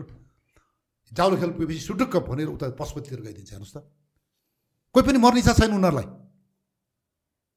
अब कतिजनाले त तपाईँको माओवादीले पैसा तिरेर आर्मी कमान्डरहरूले महिनावरी तिरेर हामीलाई हमला नगरिदिए भनेर तिन लाख चार लाख पैसा तिरेको त अहिले त प्रिभिल भइरहेछ त कुराहरू। तपाईँले बुझ्नुभयो कुरा? लड्न बसेको तपाईँको फौजले माओवादीले पैसा तिरेर कमान्डरले हमलाबाट चाहिँ बचेर पस्याएको कुरो नि त अहिले त देखियो नि त प्रमाणहरू। हेर्नुहोस्। मैले भएका मात्रै कुरा गरिरहेको छु मैले। र त्यो दिन पछिको मेरो म्यानेजमेन्ट बहुत राम्रो भयो। मैले गरेँ तर धेरै दिन तपाईँको लड्न पाइनँ मैले। तर गाईघाटमा मैले लड्न पऱ्यो आफैले लडेँ माओवादी हमला गर्न आयो। जेल तोड्नलाई त्यो राम कार्की भन्ने पछि सञ्चार मन्त्री के पनि भएको थिए तिनीहरू जेलमा थिए। अनि ब्याङ्क लुट्नलाई। हेर्नुहोस् त्यतिखेरको ब्याङ्करहरू सबै भन्दैन यी ब्याङ्करका त्यो चिफहरू सब डाका यिनीहरू म। त्यतिखेरका ती डाकाहरू माओवादीसँग मिलेर लुटाउने हेर्नुहोस् त। पहिला नै माओवादीको मान्छे आउने यति सुन छ भन्ने यति पैसा छ भने यति प्रतिशत तपाईँ पहिला बाँडेर राखेर हमला गरे जस्तो गरी आफ्नो पोका लिएर जानुहोस् त। अनि मैले त यो कुरो थाहा पाएँ। गाईघाटमा तपाईँको राष्ट्रिय वाणिज्य ब्याङ्कको ब्याङ्क थियो। बेलुका यसरी हम हमला हुने कुरा मैले दुई चार दिनमा अब इन्डिकेसनहरू पाएँ। अनि त्यो ब्याङ्करलाई मैले चाहिँ ए म यहाँ ल्याएर एक सेक्सन भनेको बाह्र तेह्रजना राखिदिन्छु भने सर कर साहब हजुर किन पिर गरिबस्नुहुन्छ यो त हाम्रो सबै चाहिँ तपाईँको चाहिँ के अरे इन्सुरेन्स गरे हुन्छ अरे कसरी साइन थाहा पाउनुहुन्छ यो भनेर? इन्सुरेन्स गरे हुन्छ अरे त्यो पैसा राज्यले पाइहाल्छ तपाईँ चाहिँ चिन्तै लिनु पर्दैन भन्छ हेर्नुहोस् त कति यिनीहरू मिलेको। तपाईँले बुझ्नु भएन प्राय ब्याङ्कर्सहरूले पहिला नै सुन र पैसा यति प्रतिशत भने माओवादीसँग बाँडफाँड गरेर अनि हमला गरास्तो गरेर आफ्नो पोका टिपेर भाग्ने भने यिनीहरू त्यसपछि त्यो एउटा अधिकारी थरको थियो त्यो मान्छेलाई मैले बन्दुक तेर्साएर हेर्नुहोस् त्यसलाई मैले लाई म ढालिदिन्छु यहाँ भएर अब त्यो त माओवादीसँग मिलिसिया भने मैले थाहा पाइसकेँ त कुरा ब्याङ्क लुटाउनलाई। अनि मैले इमिडिएटली लडेँ हेर्नुहोस्। एक सेक्सन त्यो ब्याङ्कको टुप्पामा राखेपछि अनि ठाउँ ठाउँमा राखेपछि गाईघाट बजारमा आउनै नपाइकन मैले रातमाटी भन्ने ठाउँमा मेरो लडाइँ भएर त्यहीँ मैले चाहिँ माओवादीलाई त्यहीँ हराएर कतिको सङ्ख्यामा थियो उनीहरू त अब थियो नि पन्ध्र सोह्र सय उनीहरू त त्यो अब एउटा गणमाथि हान्न आउने त अब त्यो हुने भन्दाखेरि तर हेर्नुहोस् अब यो चिजहरू अहिले कथा जस्तो लाग्छन् र तपाईँले के भन्नुभयो इन्डिकेसनहरू हुन्छ क्या. सधैँभरि? के हुन्छ भन्दाखेरि अर्ली इन्डिकेसन भन्छ आर्मी लाइनमा तपाईँहरूले पनि भनौँ न अब मान्छेलाई ज्वरो आउँदाखेरि कुनै इन्डिकेसन हुन्छ। ढुगाखुकी लाग्दा अथवा अब टाइफाइड आउँदाखेरि सबै कुरो इन्डिकेसन हुन्छ भन्दा अब हिन्दी मान्छेहरूले कसै कसैले अब त्यो इनोसेन्ट व्यक्तिहरूले त फलाना ठाउँमा यति मान्छेहरू जम्मा भइरहेछन् यता यताबाट हिँडिरहेछन् राति राति अब यस्तो यस्तो खाएर बा भैँसी काटिरहेछन् राउँ काटिरहेछन् यताउति खबरहरू आइरहेको छ। कति चाहिँ अब हामीले पनि तपाईँको प्लान्टेड उनीहरूलाई गोप्य रूपमा हामीले पनि पैसा दिएर राखेका हुन्थ्यौँ टाढा टाढा मान्छेहरू। उनीहरूले खबर पठाइदिन्थे होइन? मैले त तपाईँको चौबिस घन्टामा अडचालिस घन्टामा दुई दिनमा एक दिन हुन्छ भने जस्तो भने त्यस्तै मैले जहाँ एम्बुस थापेको थिएँ उनीहरू त्यहाँ परिहालेँ हेर्नुहोस्। उनीहरू आउनुभन्दा अगाडि मैले एम्बुस पारिहालेँ। कुरा बुझ्नुहुन्छ? अब यो चिजहरूले गर्दाखेरि तपाईँ किन हामी के वाट वाज भन्दाखेरि मैले भने मैले पहिलो स्पेसल फोर्सको फेजमा सबै चिजहरू पाइयो।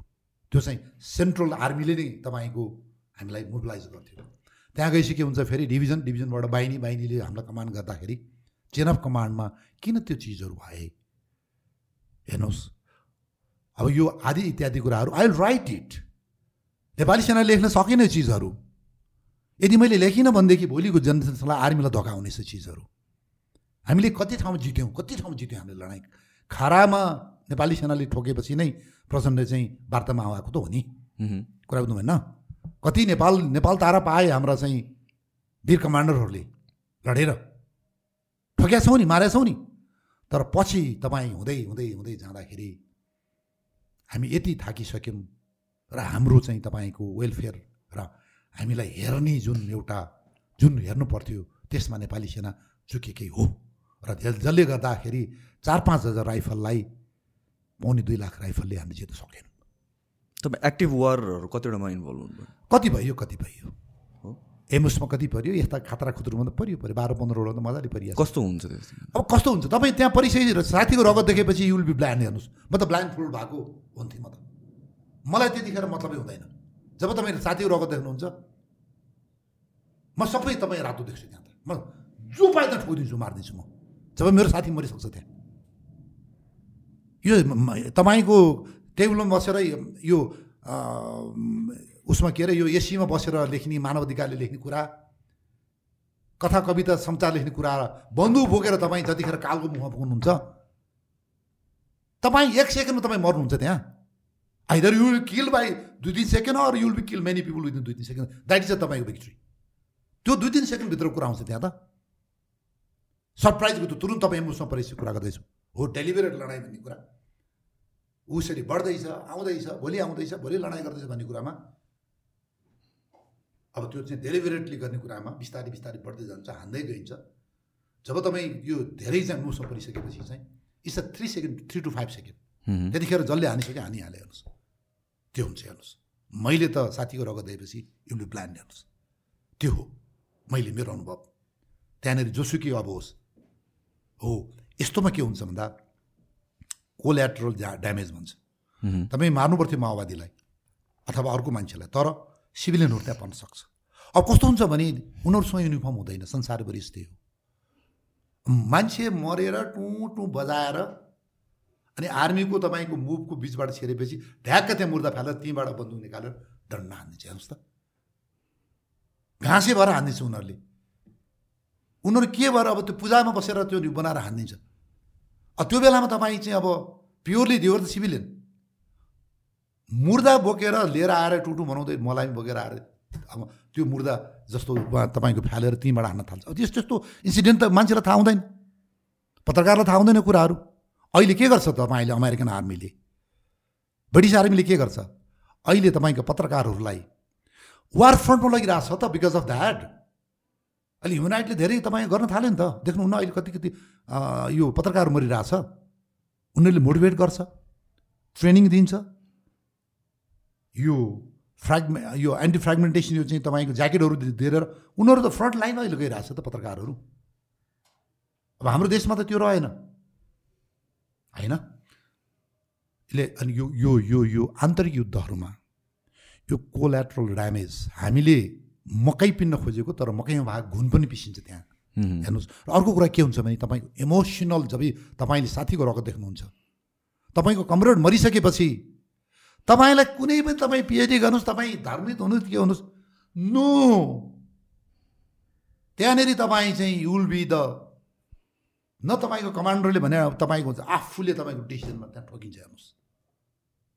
फर द टाइम बिङ यो चिजहरू हामीले भोग्यो हेर्नुहोस्। अनि यत्रो वारमा पर्नुभयो यत्रो लडाइँ लडियो अनि पछि त्यही माओइस्टसँगै काम गर्नु पर्दाखेरि त्यतिखेरको कस्तो हुन्छ? अब यो सुन्नुहोस् अब सुरु सुरुमा यो चिजहरूमा अप्ठ्यारो डेफिनेट अहिले पनि अप्ठ्यारो लाग्छ मलाई।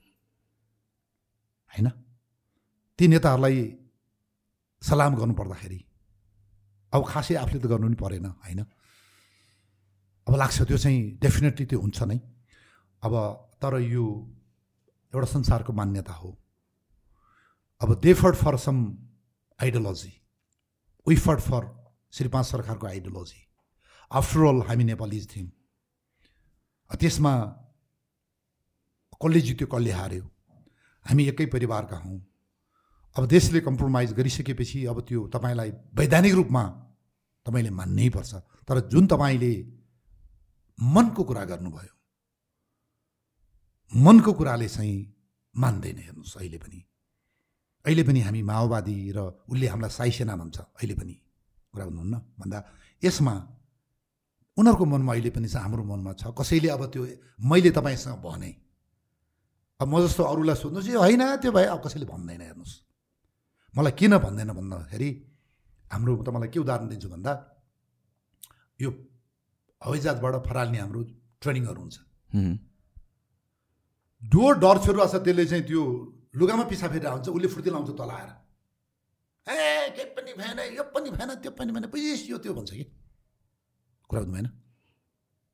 हामीलाई थाहा हुन्छ नि त। तपाईँ यो एउटा टेबलबाट त्यहाँ फराल्न त त्यहाँ के छ हेर्नु छ तपाईँ? होइन र? यसो ह्युमन साइकोलोजी त्यत्रो हजारबाट फराल्ने बेलामा डेफिनेटली तपाईँलाई त्यो डर त लागिहाल्छ। तर जो डराउँछ जो कवर्ड छ उसले त्यहाँ बढी फुर्ती लाउँछ तल आएपछि भन्दा त्यस्तै। यो सेनाको तपाईँको युद्धको कुरामा माओवादीको युद्धको कुरामा लडाइँका कुरामा अथवा माओवादीसँग त तर अहिले तैँरो मन मिल्नेमा के छ भन्ने कुरामा धेरै तपाईँका फुलबुटा भर्न सक्छन् हेर्नुहोस् र मैले के पनि भन्छु भन्दा ती माओवादीबाट लड्ने पनि धेरै बहादुर थिए उनीहरू जुन कजको लागि लडे विशेष गरी अहिले उपराष्ट्रपति Bahadur Pun you are the master mind त्यो मान्छे एकदम बहादुर मान्छे हो। किन त हाम्रो नेपाल अङ्ग्रेज युद्धमा अङ्ग्रेजले पनि त हामीले हारे पनि भक्ति थापालाई किन सम्मान गर्यो? किन बलभद्र कुमारलाई सम्मान गर्यो?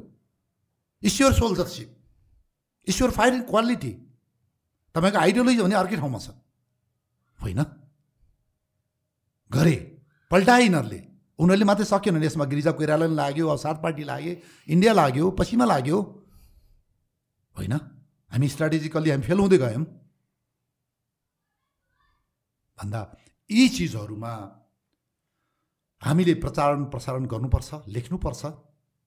र यो चिजहरूको हाम्रो अनुभव जस्ताको तस्तै लेख्नुपर्छ र भोलिको दिनमा फेरि पनि यहाँ द्वन्द्व हुँदैन भन्ने ग्यारेन्टी के छ?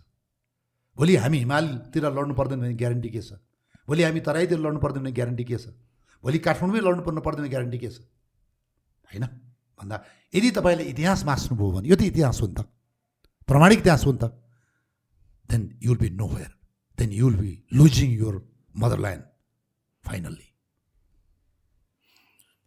okay doctor Prem Singh I think हामीहरू एन्ड एन्डतिर छ. के एन्डमा के भनिदिन्छ भने भनिदिनुहोस् होइन अब जुन तपाईँले एउटा मलाई यो इतिहासको कुरा सोध्नुभयो सबैभन्दा पहिला हजुर। आई रियली म तपाईँलाई एकदमै मनबाट सम्मान गर्छु।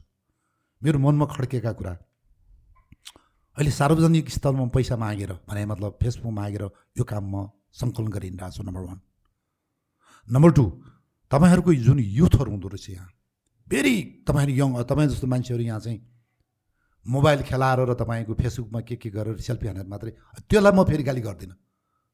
त्यो कति ठिक छ कति बेठी छ भन्दा जुन तपाईँहरूको एउटा युवा टिम देखेँ मैले अहिले टेन प्लस टू गर्ने अब कोही ब्याचलर्स पढिरहेको तपाईँहरूले कसरी तपाईँहरूमा यो कल्चर आयो कसरी तपाईँहरूमा यो एउटा चेतना आयो? हेर्नुहोस्। मैले तपाईँहरूबाट सिकेँ मैले। म पनि यस्तै केही खोलौँ कि भन्ने मलाई पनि तपाईँहरू जस्तै एउटा संस्कार संस्कृति मलाई अहिले मेरो दिमागको पछि सोद्धा सोद्धै मलाई पनि एउटा यहाँ विचारपूर्ण भइरहेछ। भन्दा एउटा यो तपाईँको जेनेरेसनले जुन एउटा काम गरिरहेछ यो मेरो कल्पनाभन्दा बाहिरको कुरा हो। यहाँ हामी सोकल तपाईँका पत्रकार छौँ यहाँ प्रोफेसर छौँ इतिहासकार छौँ राजनीतिज्ञ छौँ nobody thinks on it कुरा बुझ्नुहुन्छ। यो त मैले भोगेको कुराहरू भन्दा भेरी रिमार्केबल जब तपाईँहरूले गर्नुभएको छ। वेल डन र आफ्टर अल हामी जहाँ जे भए पनि तराईमा रहे पनि हिमालमा रहे पनि पाहाडमा रहे पनि हामी नेपाली हौँ। हाम्रो रगत त्यही हो। यो नेपाल सबैले बनाएको हो यहाँ। हो नेतृत्व गर्ने व्यक्तिको नाम लेखिन्छ। Let's find out the people's history people's pride र हामी जाति धर्म क्षेत्रको कुरा गरेर चुचिए पुचिएको कुरा गरेर नटुक्रियो। हामी सबैलाई हामीले चाहिँ तपाईँको एउटा इतिहास समेट्ने कोसिस गरौँ। लेट स्टार्ट फ्रम यो तपाईँको युवाबाट सुरु गरौँ। यसको तपाईँको कन्टिन्युस रहोस्। तपाईँहरूलाई मेरो आशीर्वाद छ। तपाईँलाई मैले फेरि पनि भने धेरै धन्यवाद तपाईँ टिमलाई। जे नेपाल जे मातृभूमि। Thank you so much thank you so much